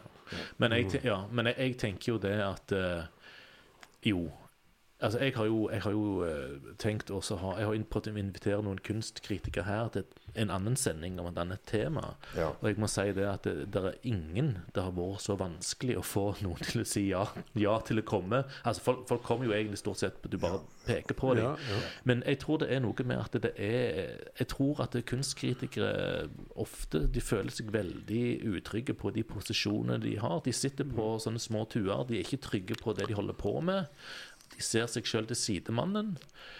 Det å finne en, en noen, noen, om det er en kurator eller hva det er for noe, som på en måte bare tenker Vet du hva, la oss, eh, la oss ikke være så smålige. Jeg tenker det at et, et, et arbeid som du har lagt bak deg, som du har gjort, det fortjener på en måte Den en bør kunne skje ja. i forskjellige retninger, kan man Ja, si. ja. At, eh, jeg mener så En kritiker som ser i bare én retning, ja vel, da får han ta seg av den der retningen der, da. Mm. Da eh, også uttale seg etter det. Men det er jo mange ting som er gjort i denne verden her som fortjener eh, en medaljeplass. Ikke at jeg fortjener det, men skulle jeg vært kritiker, Mm. Så ville jeg måtte vært i stand til å se i forskjellige retninger. For det er jo noe som heter kulturbærer òg. Ja, Og jeg havna i den kategorien som kulturbærer. Det vil si at Mm. vi, bevarer det gamle håndverket. Ja, Du ser gamlebyen i Fredrikstad har Mm. ikke lov til å skifte en planke på et hus engang før hele eh, styret må godkjenne at den planken skal være sånn og ha den farga og sånn. Ja. Og musikk eh, Se på Tellefsen som spiller det klassiske verket. Vi tar jo vare på alt dette her. Så hvorfor ikke skulle en liksom, stakkars sjel som meg da kunne ivareta kulturen på min måte? ikke sant? ja, ja, ja. Hvis det nå skulle være noe med det, da. Men det må jo være noe i det. ikke sant? Det må jo se at det ligger arbeid bak. ikke sant? Jeg har heller ikke holdt på i 40 år uten å ha lært en eneste ting. Nei. Så det bør Men kan, man, men kan man gå på akademiet i dag og på en måte ende opp Nei, som, som, som, eh, det, det- går jo ikke, det. Når Nerdrum eh, søkte seg inn på akademiet, så, så kom han ikke inn på grunnlag av de store, flotte verkene han har gjort. Han Nei. malte et bilde som lignet kanskje mer på Picasso. Mm. Da kom han inn. Og når han studerte, som historien jeg hørte da, så fikk ikke han sitte egentlig blant de andre elevene og, og male sine bilder. Han måtte sitte i et eget rom for ikke han skulle ødelegge de altså, andres han skulle ikke korrumpere ja, de andre. korrumpere det, ikke sant? Og, eh, og slik som det der sånn. Og eh, historien er jo i dag når det gjelder lærere på akademiet Det, er, det, det fins jo ikke lærere som kan undervise i klassisk kunst engang. Nei, nei, nei. Nei. Så sånn er det blitt i dag. Så det blir litt, nesten litt sånn som på en måte hvordan vitenskapen overlevde gjennom eh, mørketiden. De, de, de fant Inni klostrene, bortgjemt på Ja. sånne små enklaver, der overlevde man mørketiden. Ja. Så, ja. Og, og da er det jo sånn, da går det jo fra, Ja, måte, fra hånd til hånd. da, at man Han lærer legen som fant ut det at, at man, hvis man skulle operere, så måtte man vaske hendene mellom hver gang. Ja. Pga. at han fant ut det var infeksjoner og bakterier. Mm. Han ble jo omtrent jagd ut av legestanden ikke sant? og bort i noen mørke kroker. ikke sant? Men hva, hva skjer i dag? Ja. Det er så sterilt som det kan få blitt. Fikk, fikk jeg et skikkelig svar av deg i sted når jeg spurte deg om jeg husker ikke helt, om, om utstillingen du hadde nå nylig? Var det din siste utstilling, Ivan? Du, jeg kommer til å male så lenge jeg lever. Ja. Uansett. og jeg tror jo at hver gang er min siste utstilling. ja. I og med at jeg aldri tar en dag for gitt. Nei. Tomorrow is promised to no one. Ja. Ikke sant? Og på det grunnlaget så, så skal ikke jeg driste meg til å gå vår herre i forkjøpet og påberope meg noen flere dager enn han har bestemt. Nei. Så jeg maler som jeg skal ha neste utstilling òg. Du gjør det, du fortsetter. Jeg gjør det for at jeg, jeg kan ikke bare sitte på ræva og så råtne i en gyngestol og vente på at jeg skal dø. Det går ikke. Jeg må ha noe å arbeide mot. Jeg må ha noe å se fram. Akkurat som Arvid har sine ting. Han, han ser framover ikke sant, til stadig nye prosjekter og sånne ting som det der. Og Det må jeg gjøre òg. Ellers så, ellers så visner vi bort. Ja, ja, det er Og nå er jeg jo 77 år, så, eh, så nå står jeg med det ene benet i grava og det andre benet på et bananskall. Så jeg må henge i litt. Ja. Ja, ja. Ja, Hva tenker, hva tenker du? Føler du at du blir, blir eldre, Arvid? Eller er du, føler du deg som du var før? Jeg husker, fa- husker far min sa det. Han, han, en, dette var kanskje et par år før han, Ja. Før han døde. Og så snur han seg og sier Preben? hva, Jeg, når, når jeg, føler meg akkurat som jeg er inni hodet mitt akkurat som jeg er liksom i 30-åra. Det, er bare, bare, det er bare kroppen som måte blir gammel, men jeg er føler det meg vi ikke annerledes. Det er det vi gjør, heldigvis. Ja.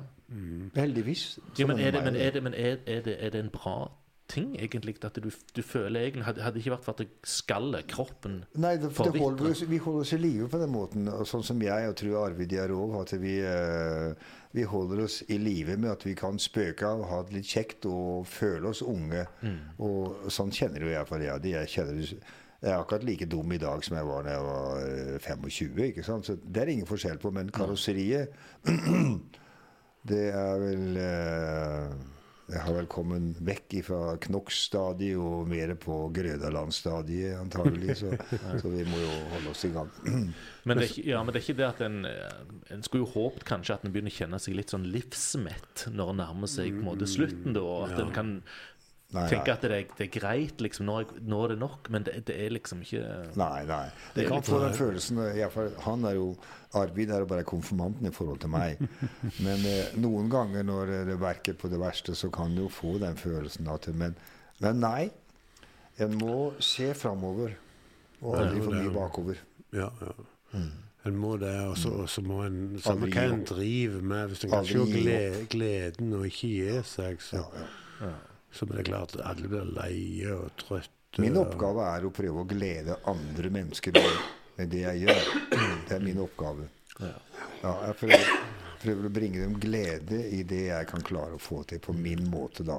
Eh, om det er bra eller dårlig i den store sammenhengen, det skulle jeg ikke uttale meg om det hele tatt, for jeg har aldri betraktet meg sjøl som en kunstner, men som en evig amatør, kan vi si. Men hovedmeningen med mine ting er at eh, som Arvid òg gjør, han gjør ting for å glede folk, ikke sant? Ja, ja, Du så jo at han på 17. mai-toget. da Han heiv 50 kg med snop. Det var jo vanvittig. Og det er en glede. Det er små gleder, store gleder.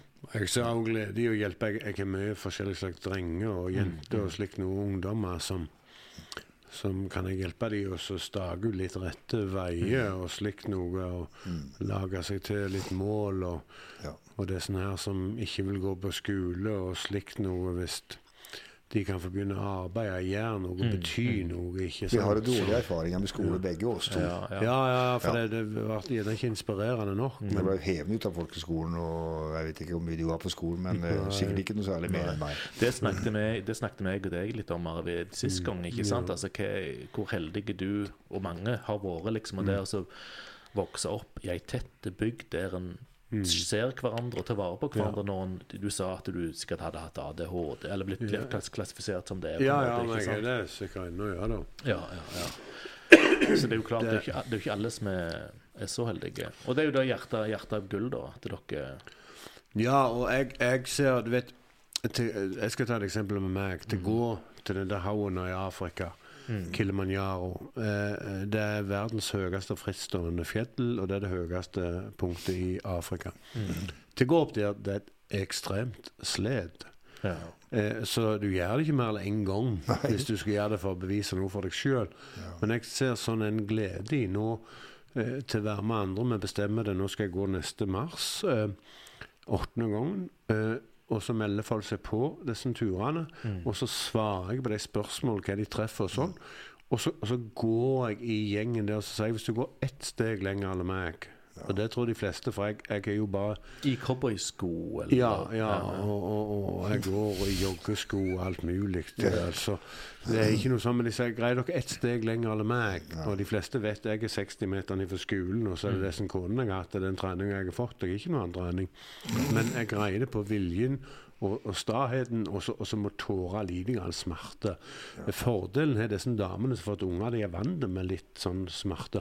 Men, men den gleden i å varme de, og så, og så De har spart den turen, de har betalt den, og, og du er med og motiverer og så sier nå må du ikke gå med de bakerste, for det er der de begynner å miste motet og sånn.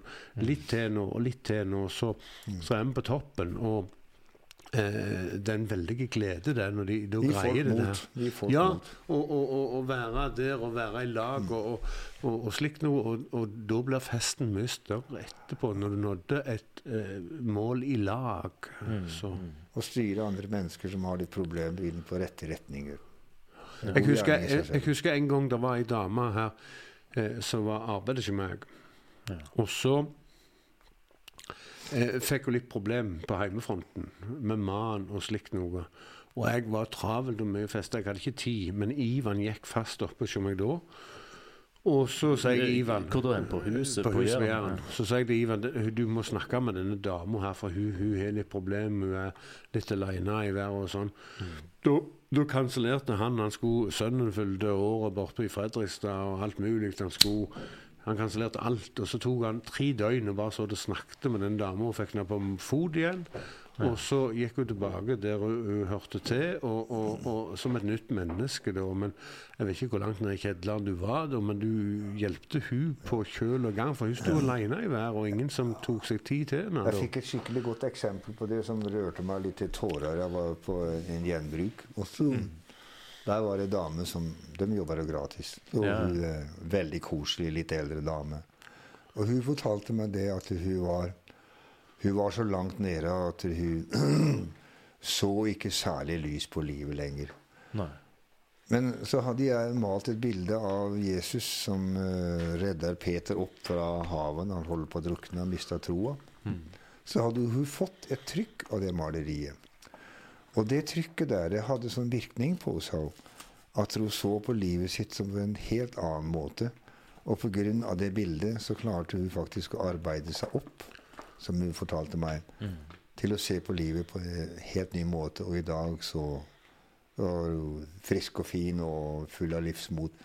Og da følte jeg det. Nå har jeg fått litt igjen for det jeg har gjort. ikke sant? På den beste måten. ikke sant? Hvis det kan styre et menneske til å forandre litt på livssynet sitt, da er egentlig ikke målet for meg å vise at jeg kan male det bildet. Men altså, lønna mi det lå i det at det hjalp det mennesket.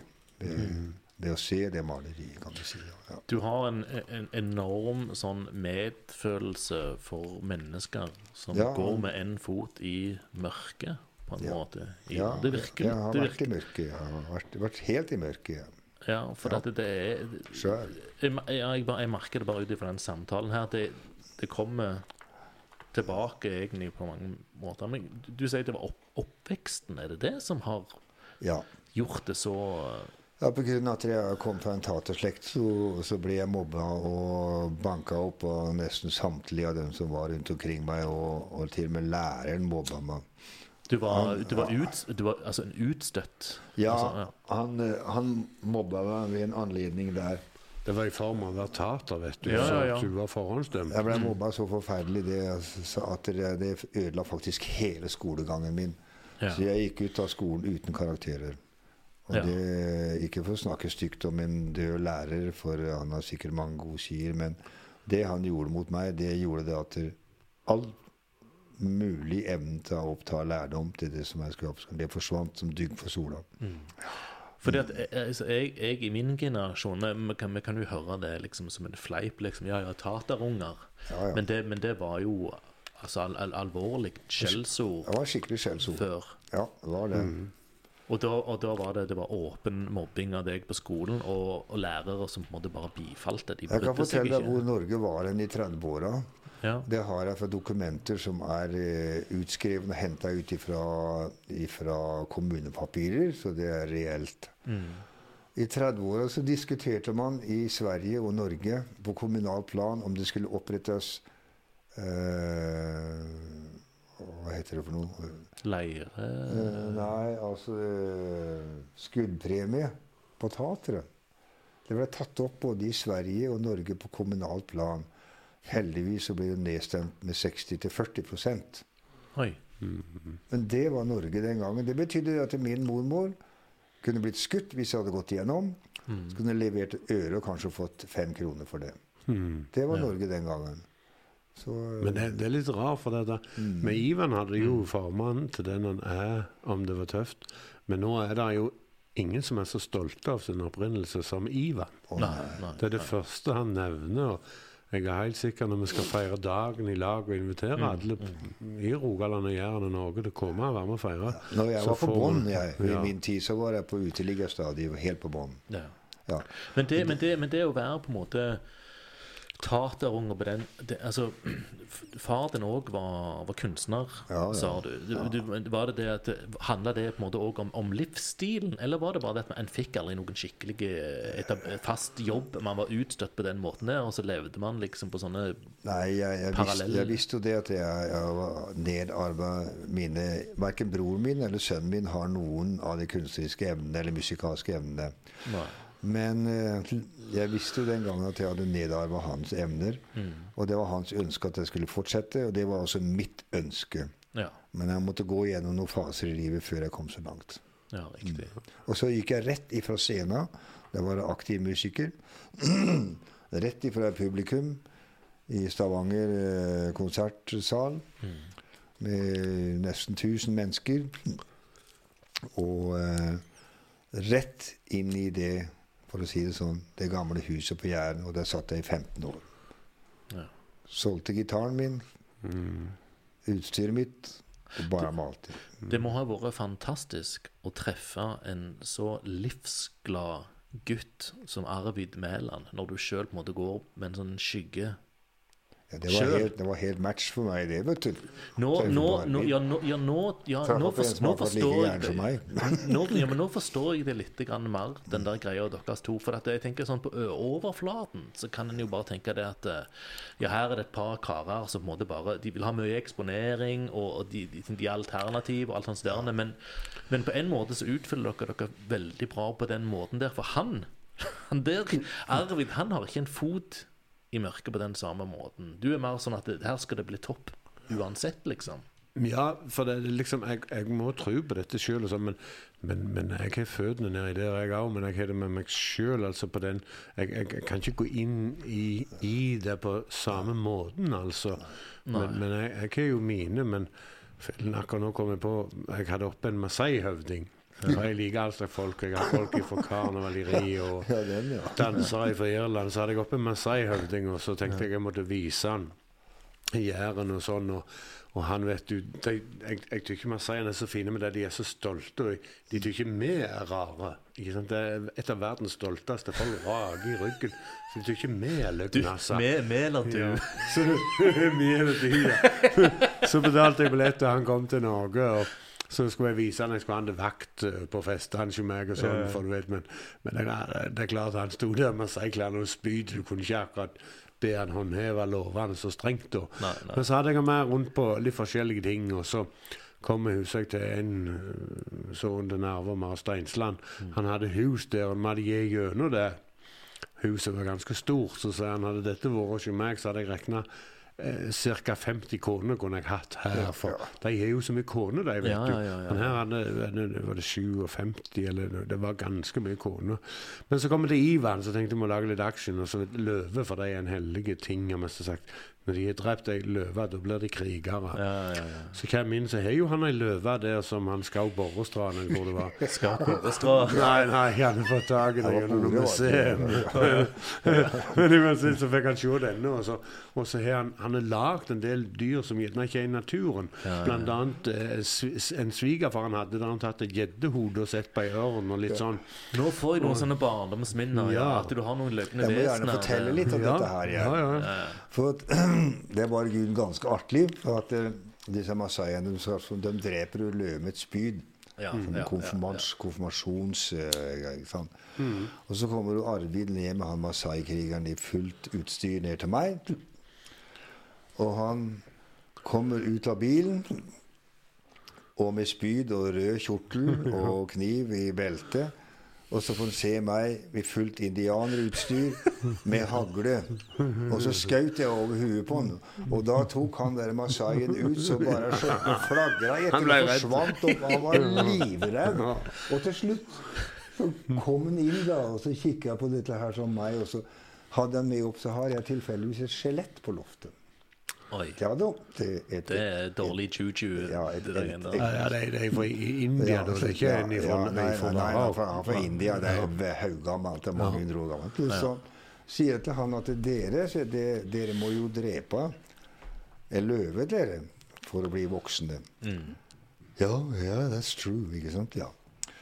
Det vi må gjøre for å bli voksne her Vi må reise opp til Grønland, helt opp, eller helst på Nordpolen, der, sånn, og så må vi voldta en isbjørn to ganger. En hannbjørn to ganger. Dyrebeskyttelsen igjen, vet du. Og så må vi skyte en mann, og så må vi koke, og så spise den, og så, se, og, så, og så viser han det skjelettet der sånn. Oh, so this man must be very dead, sier han. Og så når de skulle gå ut av bilen, eller gå og så kjøre igjen, da var jo han livredd fremdeles, for han så alt de greiene jeg hadde ute der. Så skjøt jeg med hagla over bilen, ikke sant, idet de kjørte. Så sa jeg 'stay down, stay down', så nå kan jeg baksetet. Så, så, Arvid, Arvid, this man is very crazy. Og så sier og så, Når han sprang oppover veien, han der Masai-krigeren der, Ja. så fillende flagger etter, så sier, sier Arvid alvorlig på meg sier Storm, sier han. Har du sett deg i speilet i det siste? Så hvor lenge hadde han vært i Norge før du kjørte han til Ivar? Nei, han men- det men- men- men han har vært to-tre dager, da. Så måtte vi liksom Han hadde blitt litt vant til ja, det. Ja da, lite grann, da. Så, så nei da, det, men det, det er fint med eh, kulturer, og det er fint å være litt åpen. Jeg, jeg så litt på det. Jeg tenkte hvis du skal gå gjennom et liv, og det bare skal være sauer du interesserer deg for Hver gang du treffer folk, så snakker du om sauer. Eller hvis du skal være fotballsupporter og bare snakke om Liverpool. Ja. Hver gang du snakker med andre, hver gang du skal gjøre en ting, så går du på Liverpool-kamp. ikke sant? Så du snevrer det inn, men det være litt åpen. Og vi har en voldsom utfordring med alle disse nye kulturene og sånn til å respektere dem. Ja. Og jeg var i Amerika, så drev jeg reiste på geiteauksjon. ja. Og der var det en, en muslim som kjøpte 3000-4000 geiter Ja. hver auksjon. An- a- a- Det var annenhver onsdag oppe i Macon, Missouri. Og så ble jeg sittende og drøse, for jeg var der og kjøpte noen får og solgte geiter og sånn. Og så sa jeg «Hvordan- hvordan- hva gjør du med alle disse geitene? Ja, Det er vel halal, det. Så så ja, ja, det, det er deres måte. Det, det kan vi diskutere så lenge vi vil. Men, men det det som han sa, det er det at du Han trodde jeg var amerikaner. Du som en amerikaner, du bryr deg ikke noe om hva du eter.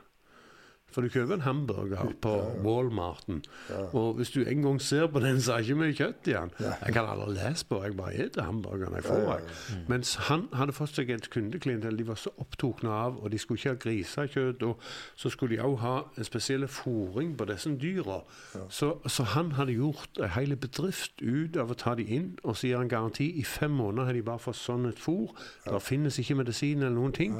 Og så var de nok slakta, sånn som du sier, da, og sånn. Men folk var villige til å betale en voldsomme ting. så nå er jeg inne på dette med bonden igjen i oss, og med folk og med respekt og alt sånn. I den verden vi skal inn i og framover, så må vi bli mye mer åpne for ting. Nå er jeg i Lauberag, og han snakket om tilfeldigheten at du gikk av toget her på Bryne, men jeg fikk en idé. Eh, eh, og jeg har alltid fulgt med på gårder som er til salgs i hele verden og vil gjøre noe nytt spennende. Så meg og, og, og Inger Marie vi fant ut at det var, hadde vært godt å ha et par fjell imellom oss. ikke sant? Ja, ja. Så vi skulle pause den. Så hun kjøper meg ut der. Så jeg, rett før pandemien starta, så er jeg i Cuba. Eh, og, og der har jeg med noen kornbø- korn- kornbønder fra Oslo og Hedmarken. Og så sier jeg det, jeg sett på noen gårder borte i Russland. Og så har jeg sett på det gale at vi kjøper så mye fra Brasil så de hogger ned regnskogene for å få protein til kyrne og kraftfôret. Jeg har lyst til å reise til Russland. Russerne etter Krim-halvøya og alt det der han var, så vil de satse på landbruket. For de har en hel generasjon etter de store kollektivbrukene som ikke kan drive sjøl. De kan arbeide, men de kan ikke drive. De har ikke erfaring med det. Ah. Så Russland har satt opp et eget program eh, som hjelper utlendinger som kommer. Den største, verdens største kvegprodusenten og en amerikaner som driver i Russland, har 400 000 anguskyer. Eh, så setter jeg i gang der borte, og så sier han her han er Hedmarken, vi er med, er korn- kornbønder, vi har ikke noe å gjøre, er med deg på dette her greiene. Og så hadde han en kompis i Felleskjøpet, så sa de vi er med, vi skal kjøpe, øh, og så tar du soya vi tok til Norge fra Sibir da. Og så gikk jeg ut i Bondebladet, for jeg måtte jo føle Jeg hadde ikke lyst til å reise til Russland og bare sjanse sånn som jeg gjorde i Amerika, og kjøpe noe til mange millioner, så bare sjanse at pengene kom. nei, nei. Så tenkte jeg i Russland, der må du ha pengene i lommen. Så gikk jeg ut i Bondebladet, sa noen skal være med. De leser voldsomt stykke. Så ringte de til Kirkenesfondet, som er norske oljefondet. De eh, Kirkenesfondet er fem ansatte som sitter oppe i Kirkenes, og har 780 millioner. De skal kun investeres i fisk og landbruk. Og de hadde ikke noe å investere i som hadde noe relatert til Norge. Der. Så han sa bedrekten i fjernsynet de der 78 millionene som Arvid trenger der, de skal han få hos oss. Så bare kom i gang. Så slo pandemien inn, så kom ikke. Men det, da hadde jeg sittet i Russland og blødd på ei kjelve. det var 1,2 millioner dyrka jord. Men nå er jeg glad det var Kongsdalen i passen, altså. For, for Plan B. Pu- Putin har gjemt seg ganske ut. Men Ja, du skulle sittet det du skulle nå nede i, i Krimhalvøya Ja. eller noe sånt. Ja, ja, ja, ja. Men det er jo helt men det, det, er tilfeldigheten som gjør at vi er der vi er, og hvor vi er. ikke sant?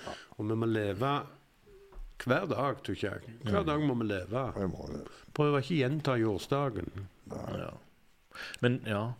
Men det er jo eh, Det må jo være en fantastisk innstilling å ha til livet, sånn som Arvid har. ikke sant? At han våkner opp fremdeles Ja. og bare tenker liksom Jeg er i en verden av muligheter, og i dag kan jeg gjøre akkurat det jeg har lyst ja, til ikke, å vi er jo ikke skapt av sløvene heller. Helvete. Vi er jo skapt av å utvikle oss, ikke sant? Jo, jo, jo, Ja. jo, jo. Men det er jo noe med at, når, altså, at en blir satt med tida. Jeg merker jo det på meg sjøl. Men her er jo du liksom klar til å reise til Russland. Ja, ja, Liksom, jeg, altså. jeg, jeg er veldig klar. Nå skal jeg til Canada. Og øh, livet byr på utfordringer hele veien. Jeg er jo reist nå i si 94. Mm. Og pandemien det lager situasjoner som ikke mm, en kan forutse. En av de tingene fikk jeg nå i Canada. Mm. Eh, vanligvis så gjenger under 15 så kjører jeg sjøl en buss. og Leier en sånn buss opp til 15 mann. Og så større så leier jeg charterbuss. Men det har noe med økonomien i det. Så det får jeg bare på flyplassen jeg kommer. Jeg kjøper billetter og flybilletter alt sånt. Så tilfeldigvis bare skulle jeg sjekke noe. Så i, i Canada under pandemien har ikke vært turister. Så alle bilselskaper de har slutta. Det er ikke å Det er ikke oppdrive. biler. Nei, og busser finnes det ikke. Eh, så da måtte jeg sette i gang hvordan skal jeg finne ut om det var tull. Men så fant jeg noen overskrifter der borte. Så regner jeg med det går over et år før de er tilbake og har begynt med bilutleie på det nivået. De leier ut sånn som noen småbiler nå, men fra juli måned så er det ingenting ledig i hele Canada. Finnes ikke en bil. Eh, så nå har jeg måttet sitte på nettet, og nå driver jeg imellom Vi snakker her og ringer og byr på en i, i, i Canada en bil. Og så har jeg ringt til en nabo her, en erga, som ikke går på arbeid. Så jeg har sagt jeg må hive deg i flyet, så må du fyke ned og så kjøre den bilen opp, så skal jeg spandere resten av turen. For, for det at den, den måten jeg får tak i måten du flyr altså, Utfordringer kommer der. Ja, og sånn det er de. roll, rolling, rolling with the punches. Ja, ja, ja. det. Ja. That's right. Mm, ja. Det er sant, det. Så har du med deg Ivan da på disse turene, eller han skal male? Ja, I, Ivan han er av den der, han, er- Ivan er faktisk sånn at han fikk rett. Men i NRK-sendinga så ble det sånn at de i NRK de, de var redd for Ivan. For han er de der som ikke vil ta dosa si, ikke sant? Så vi ja, spilte inn inn to. To sluttinger. Det ene var hvis det gikk åt pieces, og vi måtte få han six feet under.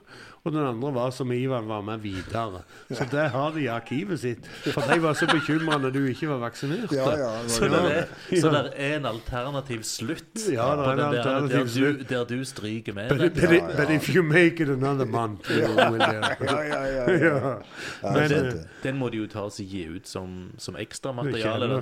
ekstramateriale. Men, men tingen var det at vi bryr oss, og, og de ville virkelig Jeg sa det nytter ikke å, å lære Ivan og, og, gjøre når han ikke har begynt ennå. Alle er vi selvstendige og tar egne valg så lenge vi ikke ligger last til andre. Så Ja. Ivan han valgte å ta pandemien med å sette seg inn og male igjen, han.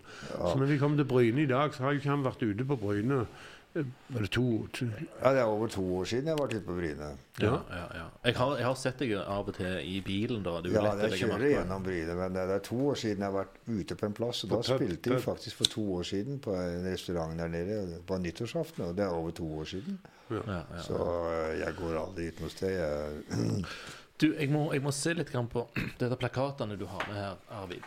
Mhm. Dette her er Skal vi se her. Ranchen. Ranchen i Lauperak 2022. Barnas Farmen uten utstemming og mobil. Du tar fra de mobiltelefonen. Ja, jeg er jo ikke signal, så jeg er ikke vits i å ha. Nei, det er bare på kjøpet. Ja. Ok, og hva dette her er for noe? Dette her er noe de kan gjøre i, i sommer? Er det det? Ja da, og det, det har jeg hatt i mange år, og jeg har veldig eh, inspirasjon av å ha ungene eh, som kommer på leir, og jeg Ja. lager skikkelig mat. Jeg tar vekk all snopet og brusen, og så er det sånn gammel bondekost. Og så har vi opplevelsene i, i plassen da. Det, det er grassat gildt, altså. Det er det. det er gildt. Mm. Og dette her eh, Skal vi se Send en mail til arvid.lauperak.no. Det vil si at du har ei webside som heter lauperak.no. Ja, jeg er jo mest på Facebook, men jeg har en webside òg, ja. ja da. Og her kan, her kan foreldre melde på ungene sine i ja, sommer. ja, de melder seg på. Det er grupper fra 7 til 12 år, og så er det fra 12 år til 16 år. Og vi har det grassatgilt, og vi bygger på ute, og vi gjør alle mulige ting. Hvor mye koster det? Eh, ikke fem, ca. fem. 5000 for hvor mange dager? Er det 19, så det er en liten uke? er det Ja, en uke, og så er det med alt. Det er fordi at jeg, jeg, jeg, jeg leier med meg noen folk, sånn så jeg ikke er helt aleine med disse gjengene. Jo, men det er jo, Også, det er jo, det er jo en god pris uansett. Ja, jeg ser de betaler, de betaler jo det for en sydentur, så Ja, ja, her er det med alt. De bare leverer ungene, og så får de de hjem igjen. Så. Hele og gjerne bedre enn det de Ja, du vet, jeg fikk, jeg fikk en, en, en, en mail fra en mor uh, i, på Østlandet, for jeg får unger fra Østlandet. Og, så, og, og hun, hun skrev denne her sønnen hennes, han, han har så grassat mange bokstaver. Det er mer enn alfabetet. Like mye som deg. Ja, han er veldig mye mer òg, for det, han er sånn at han er, han er ikke i vanlige klasser. Han følger ikke skolebuss og sånn. Men um, han blir litt sånn inneslutta mot det. Ja, ja. Men han, han, kom tilbake til henne denne gangen Ja. så fortalte han om det beste av uka i sitt liv. Det er ganske tungt på en 14-åring. Det er det. Ja, og, og, og, og så kan de leve på det, og så med det samme jeg la ut igjen, så var han bang på å melde seg på igjen. Og når de er 15 år, begynner de jo å vite litt hva de vil, da, så jeg syntes det var, det var Ja. veldig flott. Er, er det sånn at foreldrene bare dropper de av, og så henter de de etterpå? Eller? De dropper de av, og de skal ikke ha noen sånn kontakt. For vet, der sitter jeg gjerne med Jeg vet, nå har jeg ei jente på seks, og ei på åtte, ei på ni. Ja. Og hvis de får snakke med mor si, da får de heimlengt. Ja, så derfor så, så må jeg sitte på sengekanten til dess de sover, og så må de sovne inn. og så de, de kan ikke få snakke med mor da, og så ringer jeg selvfølgelig hvis det ikke går. Men Ja. det går godt hele veien. Det er kun de gangene der foreldrene lurer seg til, og så, og så ringer til de sjøl. Men nå går jo ikke det ikke meg, for det er ikke et signal. Men det gjorde det der jeg bodde før. For da Ja, kommer heimlengten, og den er helt naturlig. Men Mm. Hvis du kan få de inn i det, altså Jeg har funnet det passelig lang tid og så må de være opptatt når de må føle en tilhørighet. Liksom. Så det, nei, det, det har vært veldig givende og greit. Og jeg, jeg arbeider faktisk også for ansatte i barnevernet nå. He, Gjør du det, ja? he, he, og det syns jeg òg er veldig givende å være med på. Ja, jeg tenkte litt, litt på det. Det var vært ideelt for, for mange trengende innenfor de folk møter der, da. Ja, da, for, det, for det der er med mobbing og utestenging og sånn, og det kommer mange sånne saker nå der folk har følt seg utestengt i skolen og sånn. Men fillen ikke alltid Når vi er så forskjellige, så er det ikke så lett. Og det er ikke så lett å vite når stenger du andre ute, og når er du urimelig. Altså, mm. Det er ikke nødvendigvis svart-hvitt, dette her. Det er ikke nødvendigvis opp-ned. Og jeg opplever mange som ikke gjerne snakker til meg sånn, så tenker jeg hva vil ikke ha meg, noe med meg å gjøre. Men så når jeg da får drøst med dem, så, ja. så, er det gjerne det de tålte ikke helt til de hadde lyst. Så, mm. så det er sånn en dobbeltside òg. Jeg får ta det med Ivan, vet du. En gang så var det kommet en ny rådmann på Bryne. Ja. Og denne rådmannen jeg hadde denne potetfestivalen som skulle hett Eplefestivalen, men nå er det potetfestival. Så sier den nye rådmannen her at fy filler'n, altså at dere ikke utnytter ressurser sånn som Ivan. Ja. Eh, til Ikke sant? Så hadde hun den ideen. Kan vi få Ivan til å sitte midt på torget aleine der og male ei potet under potetfestivalen? male ei potet? ja, ja, ja, men, for en respektløshet. Ja, du skal adle griser og male potet. Det var det, som var, det var det som var tingen. Så sier et par av de andre kommunene vi kjører ned til Ivan med eller med rådmannen da, og så spør man. Og så, så spør hun ja, Ivan, vi har fått den ideen, og det vil trekke mye folk og sånn. Kunne du tenke deg å sitte nede på på torget og male denne poteten under festivalen. Ja. Så sier Ivan ja, selvfølgelig, men på én betingelse. Ja. Og så hun snur seg til de to andre kommunene og sier ja, men det var jo helt enkelt. Ja. Hvorfor ikke noen kom på det før? Så sier den ene kommunen Hør nå betingelsen. så, så sier Ivan ja, betingelsen den er at dette må jeg gjøre etter jeg er død. over, over my dead body, yeah, man. over my dead body. Det ble til potetmaling Du, Det er da ikke mulig for kommunen som tør å kjøre ned igjen. Men, men, tenker, altså, tenker, men, det må jo være en sånn situasjon eh, Altså, akk altså, lidende kunstner. ikke sant? Altså, altså det å på en måte du er, du er, en kunstner, ja, men du er så folkelig anlagt som det Ivan er, og du er så lite sjølhøytidelig selvhøytidelig at, at du faktisk kommer opp i sånne situasjoner der du har en kommunalt ansatt som på en måte er Altså så, altså Det er jo helt vanvittig å, å, foreslå at Ivan skal sitte og male ja. ei potet. Jeg tror ikke de kobler lenger. Nei, altså det, det er jo helt fant, altså, det er jo helt forespørsler. Jeg fikk en forespørsel om å være dommer i en tegnekonkurranse for samtlige av skolene. skulle eh, Ungene, da, småungene, da, skulle lage tegninger. da, ikke sant? Og så, ja. og så vet jeg åssen det er sjøl. Gikk på skolen. Jeg fikk aldri til noen ting. Ingenting. Ble bare mobba. ikke sant? Og så skulle jeg være dommer på dette her slik. da, skulle være på Storstova. Da og, mm. og så Da spurte hun om jeg ville være Ja, jeg, da hadde jeg en ny betingelse. For jeg vet jo det at unger gjør så godt de kan. ikke sant? Noen kan ingenting, og noen blir lei seg, noen er flinke, og noen får skryt. Og, mm. og jeg var dem som fikk minst skryt, og fikk juling isteden. På én betingelse at jeg kan få de samtlige av de mange hundre ungene første premien. Mm. Nei. Da fikk ikke jeg den dommerjobben. Nei. Han, han, er litt sånn vrang, han Ivan. Altså, han går ikke med på, på disse ting. Nei, jeg har heller ingen førstepremie. Jeg er jo den der Mælandsmarsjen min.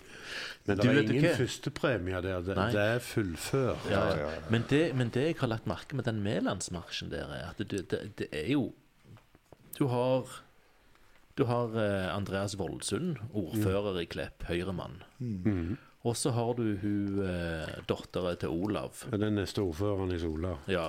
Høyrekvinne, det òg. Ja. Møtes på gården til Olav. Starter ja. der. Mm. Det, altså, det er jo eh, Det er jo litt av et nettverk. Ja da. Nettverket mitt Eh, sikkert Ivan òg, men jeg bruker det jo ikke på den måten. Men nettverket mitt er det, det er ikke veldig mange som, som slår det. For det eh, Jeg har alltid brydd meg om alle folk mm. og fått det i groen godt til. Og er litt mm, lite uhøytidelig. Og, mm. og ja trives med det. Så. Men du tenker ikke, du tenker det at uh ja, ja, Høyre er jo et greit parti, det, altså, for all del. Men, men, men jeg tenker jo det, det var, du, vet, du, vet, Politikerne de vet jo hvordan de skal på en måte være, ja. være inne med de, de, de folkekjære folka. Ja, ikke sant? Ja, og, og det er jo ingen som altså Arvid Mæland og Ivan Storm Juliussen Dere er jo elska av, av jærbuen, på en måte. ikke sant? Så det er jo en, en, en bra deal å møte opp, eller? Ja da, jeg, eh, jeg, jeg, jeg bryr meg ikke. Jeg er ikke Det er ikke noe du tenker på? Nei, Og noen, nei, og jeg- noen jeg- hater oss. Ja da, selvfølgelig er det det. Det er mange av. Det fikk jeg jo merke på eh, utstilling jeg hadde en gang. Ja. Det var altså, Jeg hadde 10 000 mennesker inne på utstillingen min i løpet av fire dager. Mm. Og for å si det som sånn, så, så hørte jeg bare velsignelser. Mm. Uten at jeg skal uh, si noe godt om meg, men jeg hørte bare velsignelser. Men så kom det en mann inn, og så sto og så rundt seg, og så sa han Fy faen, sa han. Dette er det styggeste jeg noen gang har sett i hele mitt liv. Oh. Og så gikk hun bort og så skrev hun det i boka. Ja. Ja, så sier jeg det. Ja. Hva gjør du egentlig her da? Du har gikk der en stund. ikke sant? Men så, det- så det er begge deler, og det må en respektere. Ja. Noen liker det du gjør, noen liker det ikke. ikke sant? Men de Sånn trenger, er livet. men de trenger ikke oppsøke deg på utstillingen din og Nei. gjøre et poeng ut av det. nei. Nei, sånn som en av disse her største kritikerne der inne, da, kunstkritikeren kom på en utstilling Mm. som jeg hadde. uh, og da fikk jeg veldig dårlig kritikk og, uh, av vedkommende. Og hun hadde ikke vært på utstillingen engang. Nei. Men dagen etterpå så kom vedkommende. Men hun gikk ikke inn. Hun gikk bare fram til døra og snudde og gikk ut igjen. ikke sant? Ja, for å Ja. demonstrere det, Ja, eller ja så skrev hun liksom det, det minst behagelige hun kan skrive da, kan du si. Så, så, så det, og det er det livet må vi leve med. At eh, noen liker oss, og noen liker oss ikke. Og sånn er den saken. Det, det, det er rart det der at, den, at man har altså, kunstkritikere? Altså, de, de har et sånn et altså, sterkt behov for å markere den avstanden Ja. hele veien. Altså Mot noe som på en måte egentlig bare forskjønner verden. Hvorfor, hvorfor må man markere det så sterkt? Ta så tydelig avstand? Jeg prøver å se det positive alltid. Jeg går også på utstillinger og sånne ting hvor jeg liksom ikke skjønner noen ting av det som er gjort. ikke sant? Men så går jeg hele veien og så prøver til å finne det positive i hva jeg ser. ikke sant? Ja, ja. For det mennesket har jo jobba, og jobba lenge. Og så, så det må være noe positivt her. Men så er det ikke alltid jeg begriper hva jeg ser. Mm. Men tenker jeg, de gjorde det beste de kunne, Ja. etter sin mening. Og det må vi respektere. Selv om vi egentlig kanskje ikke da, der og da forstår det, da, kan man si. Så, så må man bestandig være eh, Jeg syns det er veldig kjekt hvis folk kan få til noen ting, ikke sant. Ja, ja. Ja. Og eh, og når jeg eksempel nå, når vi har laget, holder på med denne serien her med Arvid, så, ja. Så er ikke jeg med i den serien for å fremheve min person i det hele tatt. Nei, jeg tenker jo det som, som, altså, som kunstner så har du vel egentlig bare alt å tape på, for det, det blir så veldig sånn Ja, men det gjør ikke ja, for fremme Dette det, det, blir litt nye sider av Ivan, for han er liksom rådgiveren og, og tenkeren, så du skal få se Jeg vil si en ny side av veldig mye god filming hjemme Ja. hos Ivan, og veldig mye gjennomtenkt. eh, Det som han sier, så jeg vet ikke om, om eh, du, du må ha hatt en del medfødt vett, for det kommer en del ut som er veldig bra. Du vet, det er mange scener i Et langt liv og en gammel ku. Ja. Det er ikke sant. Og, eh, og jeg har hatt Hvis jeg hører at folk kan få til noen ting, så gleder jeg meg over det. Ikke sant? Og når jeg har- er med på den serien der, så er ikke det for å fremheve min person. Det kan jeg gjøre hvis noen vil skrive meg når jeg skal ha utstilling. ja. Men jeg hadde aldri kommet på å kunne lage en serie omkring meg sjøl for å fremheve min person. Men jeg gjør dette her pga. Arvid, for han trenger, eh, han trenger den oppbackinga han kan få. For han er også innovativ og har så mye gode ideer og tenker bra. Det er jo fint, eh, for det er jo, de er jo med de som ikke liker meg òg. Ja, ja, ja, det er fint å ha noen som stand by. Ja, ja, ja. Jeg gjør det fordi jeg syns det er veldig kjekt også å hjelpe Arvid. Ja, ja. Så- herjer her er jeg litt mer. Jeg må ta med en liten sekvens som var. For du vet, Ivan sier du kommer ikke så ofte til meg, ikke sant? Men jeg er nå nede noen ganger i året. Men han kommer ikke til meg uten jeg sender helikopter for å hente han. Og det gjorde jeg. Og så, vet du, så, så er det det for det første, så tar jeg de ut. Og så sier han til kaptein da, Rune Helleland at at uh, jeg har aldri flyttet med kjøkkenvifte før. Og så tar jeg de ut. Og så må de ned han på domøsen, for han må ta sånn Pampers-bleie. Han ble litt redd. Og så kommer de inn gjennom, vet du. Og så går det i 200 km i timen, og så over Ørstadsvatnet, så dumper det og slipper litt grann og sånn. Kommer de, så lander de, for han setter en betingelse at jeg skulle være med opp. For han skulle lage hva vi vil ha noen tegninger hvordan kongen skal se ut. Så vil jeg ha han til å tegne de for meg. Og så skal vi fyke opp rundt kongen der og så se på dette her greiene. Men så er det Ivan hadde ikke vært helikopter før. Det er jo sånn en liten vi- vifte da. Så han. Seg inn i ikke sikkerhetssele, den har jeg jo glemt. Og så lukter han jo ikke døra fra fjamsen jeg kom inn i. Så når da helikopteret legger over helt opp med kongen, det river han på vei ut, så fikk jeg tok han i beltet. Og det ble jo greia god film, for han så det jo i framsetet. Han, han, NRK-mannen så det framsetet Ja. og filma. Men så snudde jo han flykapteinen seg òg, for han skulle prøve å hjelpe. siden han holdt på å dette ut vinduet der, eller døra der, så det ble jo løye av det etterpå. Ja, han sier jo det at du har faktisk brutt alle de reglene. Ja. For det første har du glemt å ta på deg sikkerhetsbeltet, for det andre har du glemt å lukke igjen døra. Ja. Så Arvid sa jo det etterpå, da, at han måtte, han måtte holde meg i skoen mens jeg hang ut av helikopteret Ja. jeg fikk landa. Så det, det ble Ja, men vi fikk deg ned. ja, men du var faktisk mer redd enn meg. Ja, jeg du var satt litt- og skreik inni der. jeg hyrte han en gang jeg skulle kjøpe en hest nede i Malmö, og så herja han og fau bakover. Det var ikke noe for meg. Nei, nei, altså. nei, Så jeg er lite grann, for det er litt garp i han der Rune Helleland, og han er der litt garp i. Altså, så, ja. så, men nå var han god, for han har sett at uh, vi er litt redde når det begynner å bli skikkelig gale. Jeg hadde vært livredd. Tid er denne, er serien har premiere på NRK? Eh. I september. I september er i gang. Ja, en gang i september. Det, det veldig, for det er en egen sånn en mann som skal lage nettsaken og alt det der greiene. Og, eh, det, det er veldig gjennomtenkt det de gjør. Altså, det har vært veldig gildt å arbeide med dem. Når vi begynte, vet du, Ja. så tenkte jeg hvordan skal dette gå? For vi hadde jo Frank, ikke sant, som var teksta i Farmen. Eh, men så eh, hadde de sånn kurs sånn heter det stemmepedagog? Et eller annet stemmegreie. ikke sant? Sånn som au- austenforlendingene skulle forstå hva jeg sa. Men jeg er jo bodd på ja, ja. Men så er problemet jeg kan ikke knote, for da får jeg show med jærbuene. Du Men så kom det. han med sitt språk, og, og han forstår jo alle. Så han oversatte egentlig Ja, ja, ja. din Så, så det har vært, men det har vært gildt å arbeide med de karene der. For det, for det for meg, nå, nå er det veldig mye med, med de ansatte i teknisk etat og kommunen og ordføreren i Bjarkreim det, ja, av denne glem, glems, glemskheten min. Men det var veldig viktig for meg, og det er et par ganger jeg korrigerte de òg når jeg fikk se hva de gjorde gjort opp, så sier jeg det kan herje ganske mye med meg og Ivan, som, som har vært borti disse tingene før.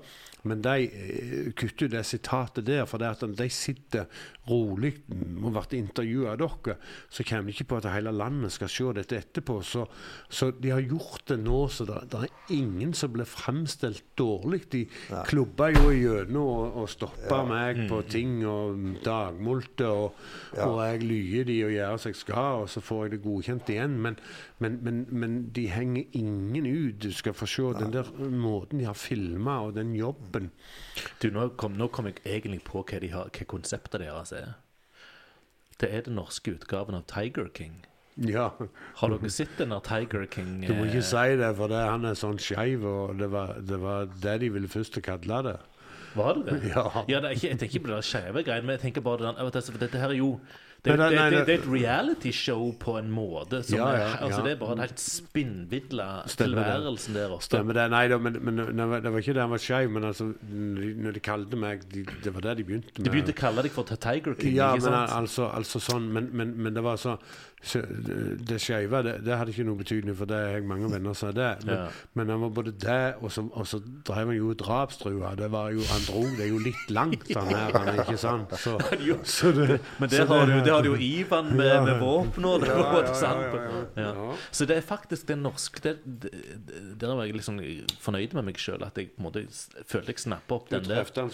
For det er, det er faktisk den norske Tiger King de skal lage i. Ja. Og hvis de treffer på det, så, så kommer ikke du eller dere bare til å være på en måte en jærskatt, men dere kommer jo opp på et nasjonalt nivå, og kanskje enda større. Tenk hvis dette her nå kom, og, og, og i verste fall så kommer dette til å overskygge kunsten til Ivan. Det ville vært en tragedie. Men, det kan, men dette her kan gå Men dette kan gå Det er alle helt veier. Det er helt fint. Enhver flerfoldig, vet du. Ikke Ja. sant? Så, Så- serien handler egentlig ikke om meg.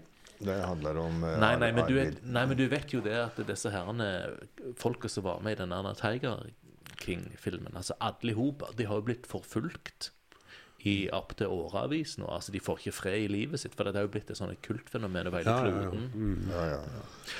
Vet du hva, vet du hva eh, gutter? Um, jeg tenker at vi, vi har eh, passert over en time, og det var sjøl i tillegg til denne første stumfilmen som jeg klarte å produsere her. Så jeg tenker vi når litt sånn smarte, smertegrenser. Ja, det er Det var- perfekt. Ja, men det var en, en, en fantastisk glede å, å ha dere her. Det, det er noe jeg har, har, tenkt på lenge, å kunne ha dere Ja, to, det to i sammen. var Veldig Ja. Veldig gildt å få komme og, Ja. og være med.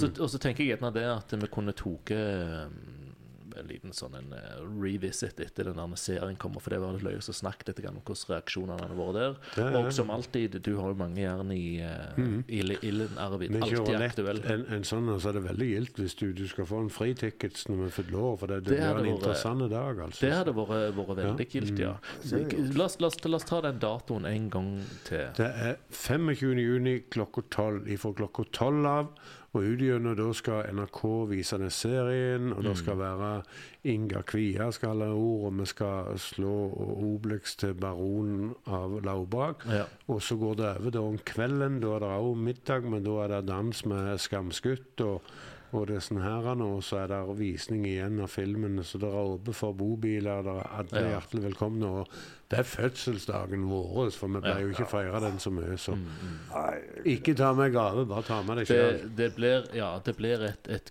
et kulturarrangement Ja. uten sidestykke her. Stemmer det. Eh, Kanskje for The History Books, til og The. History Books. Ja, for det skal jo filmes denne dagen på historiebøkene. Gavegreiene Han har Arvid en veldig fin utgave av når han gifta seg med, med den der rednecken sin.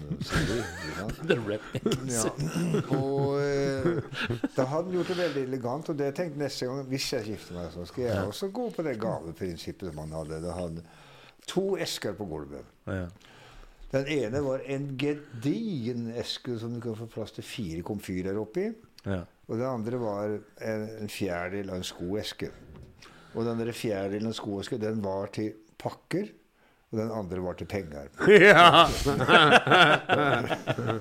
Å ja, så det er litt, det er litt, det er litt, det er litt sånn bursdagsgave. det var en amerikansk utgave. vi har de null, for det, jeg, jeg kan ikke stå kokka den dagen. Og alle vet når du hyrer inn kokk og sånn, så går det en del penger i, Ja, i mat og dessert og champagne. Og så, og så uh, Ivan uh, spiller selvfølgelig gratis i Mm. sitt eget selskap, men det er en del lydteknikere og sånne ting. Vet du hva, vet du hva jeg tror? Du du er kjent, du, for å ikke kunne gjøre Gjør veldig- penger ut av det. Så det er ingen som det er ingen som skal beskylde deg for Det Det er det som jeg sa til Sigfrid, så det er så gildt å vite at du ikke tar meg for pengene.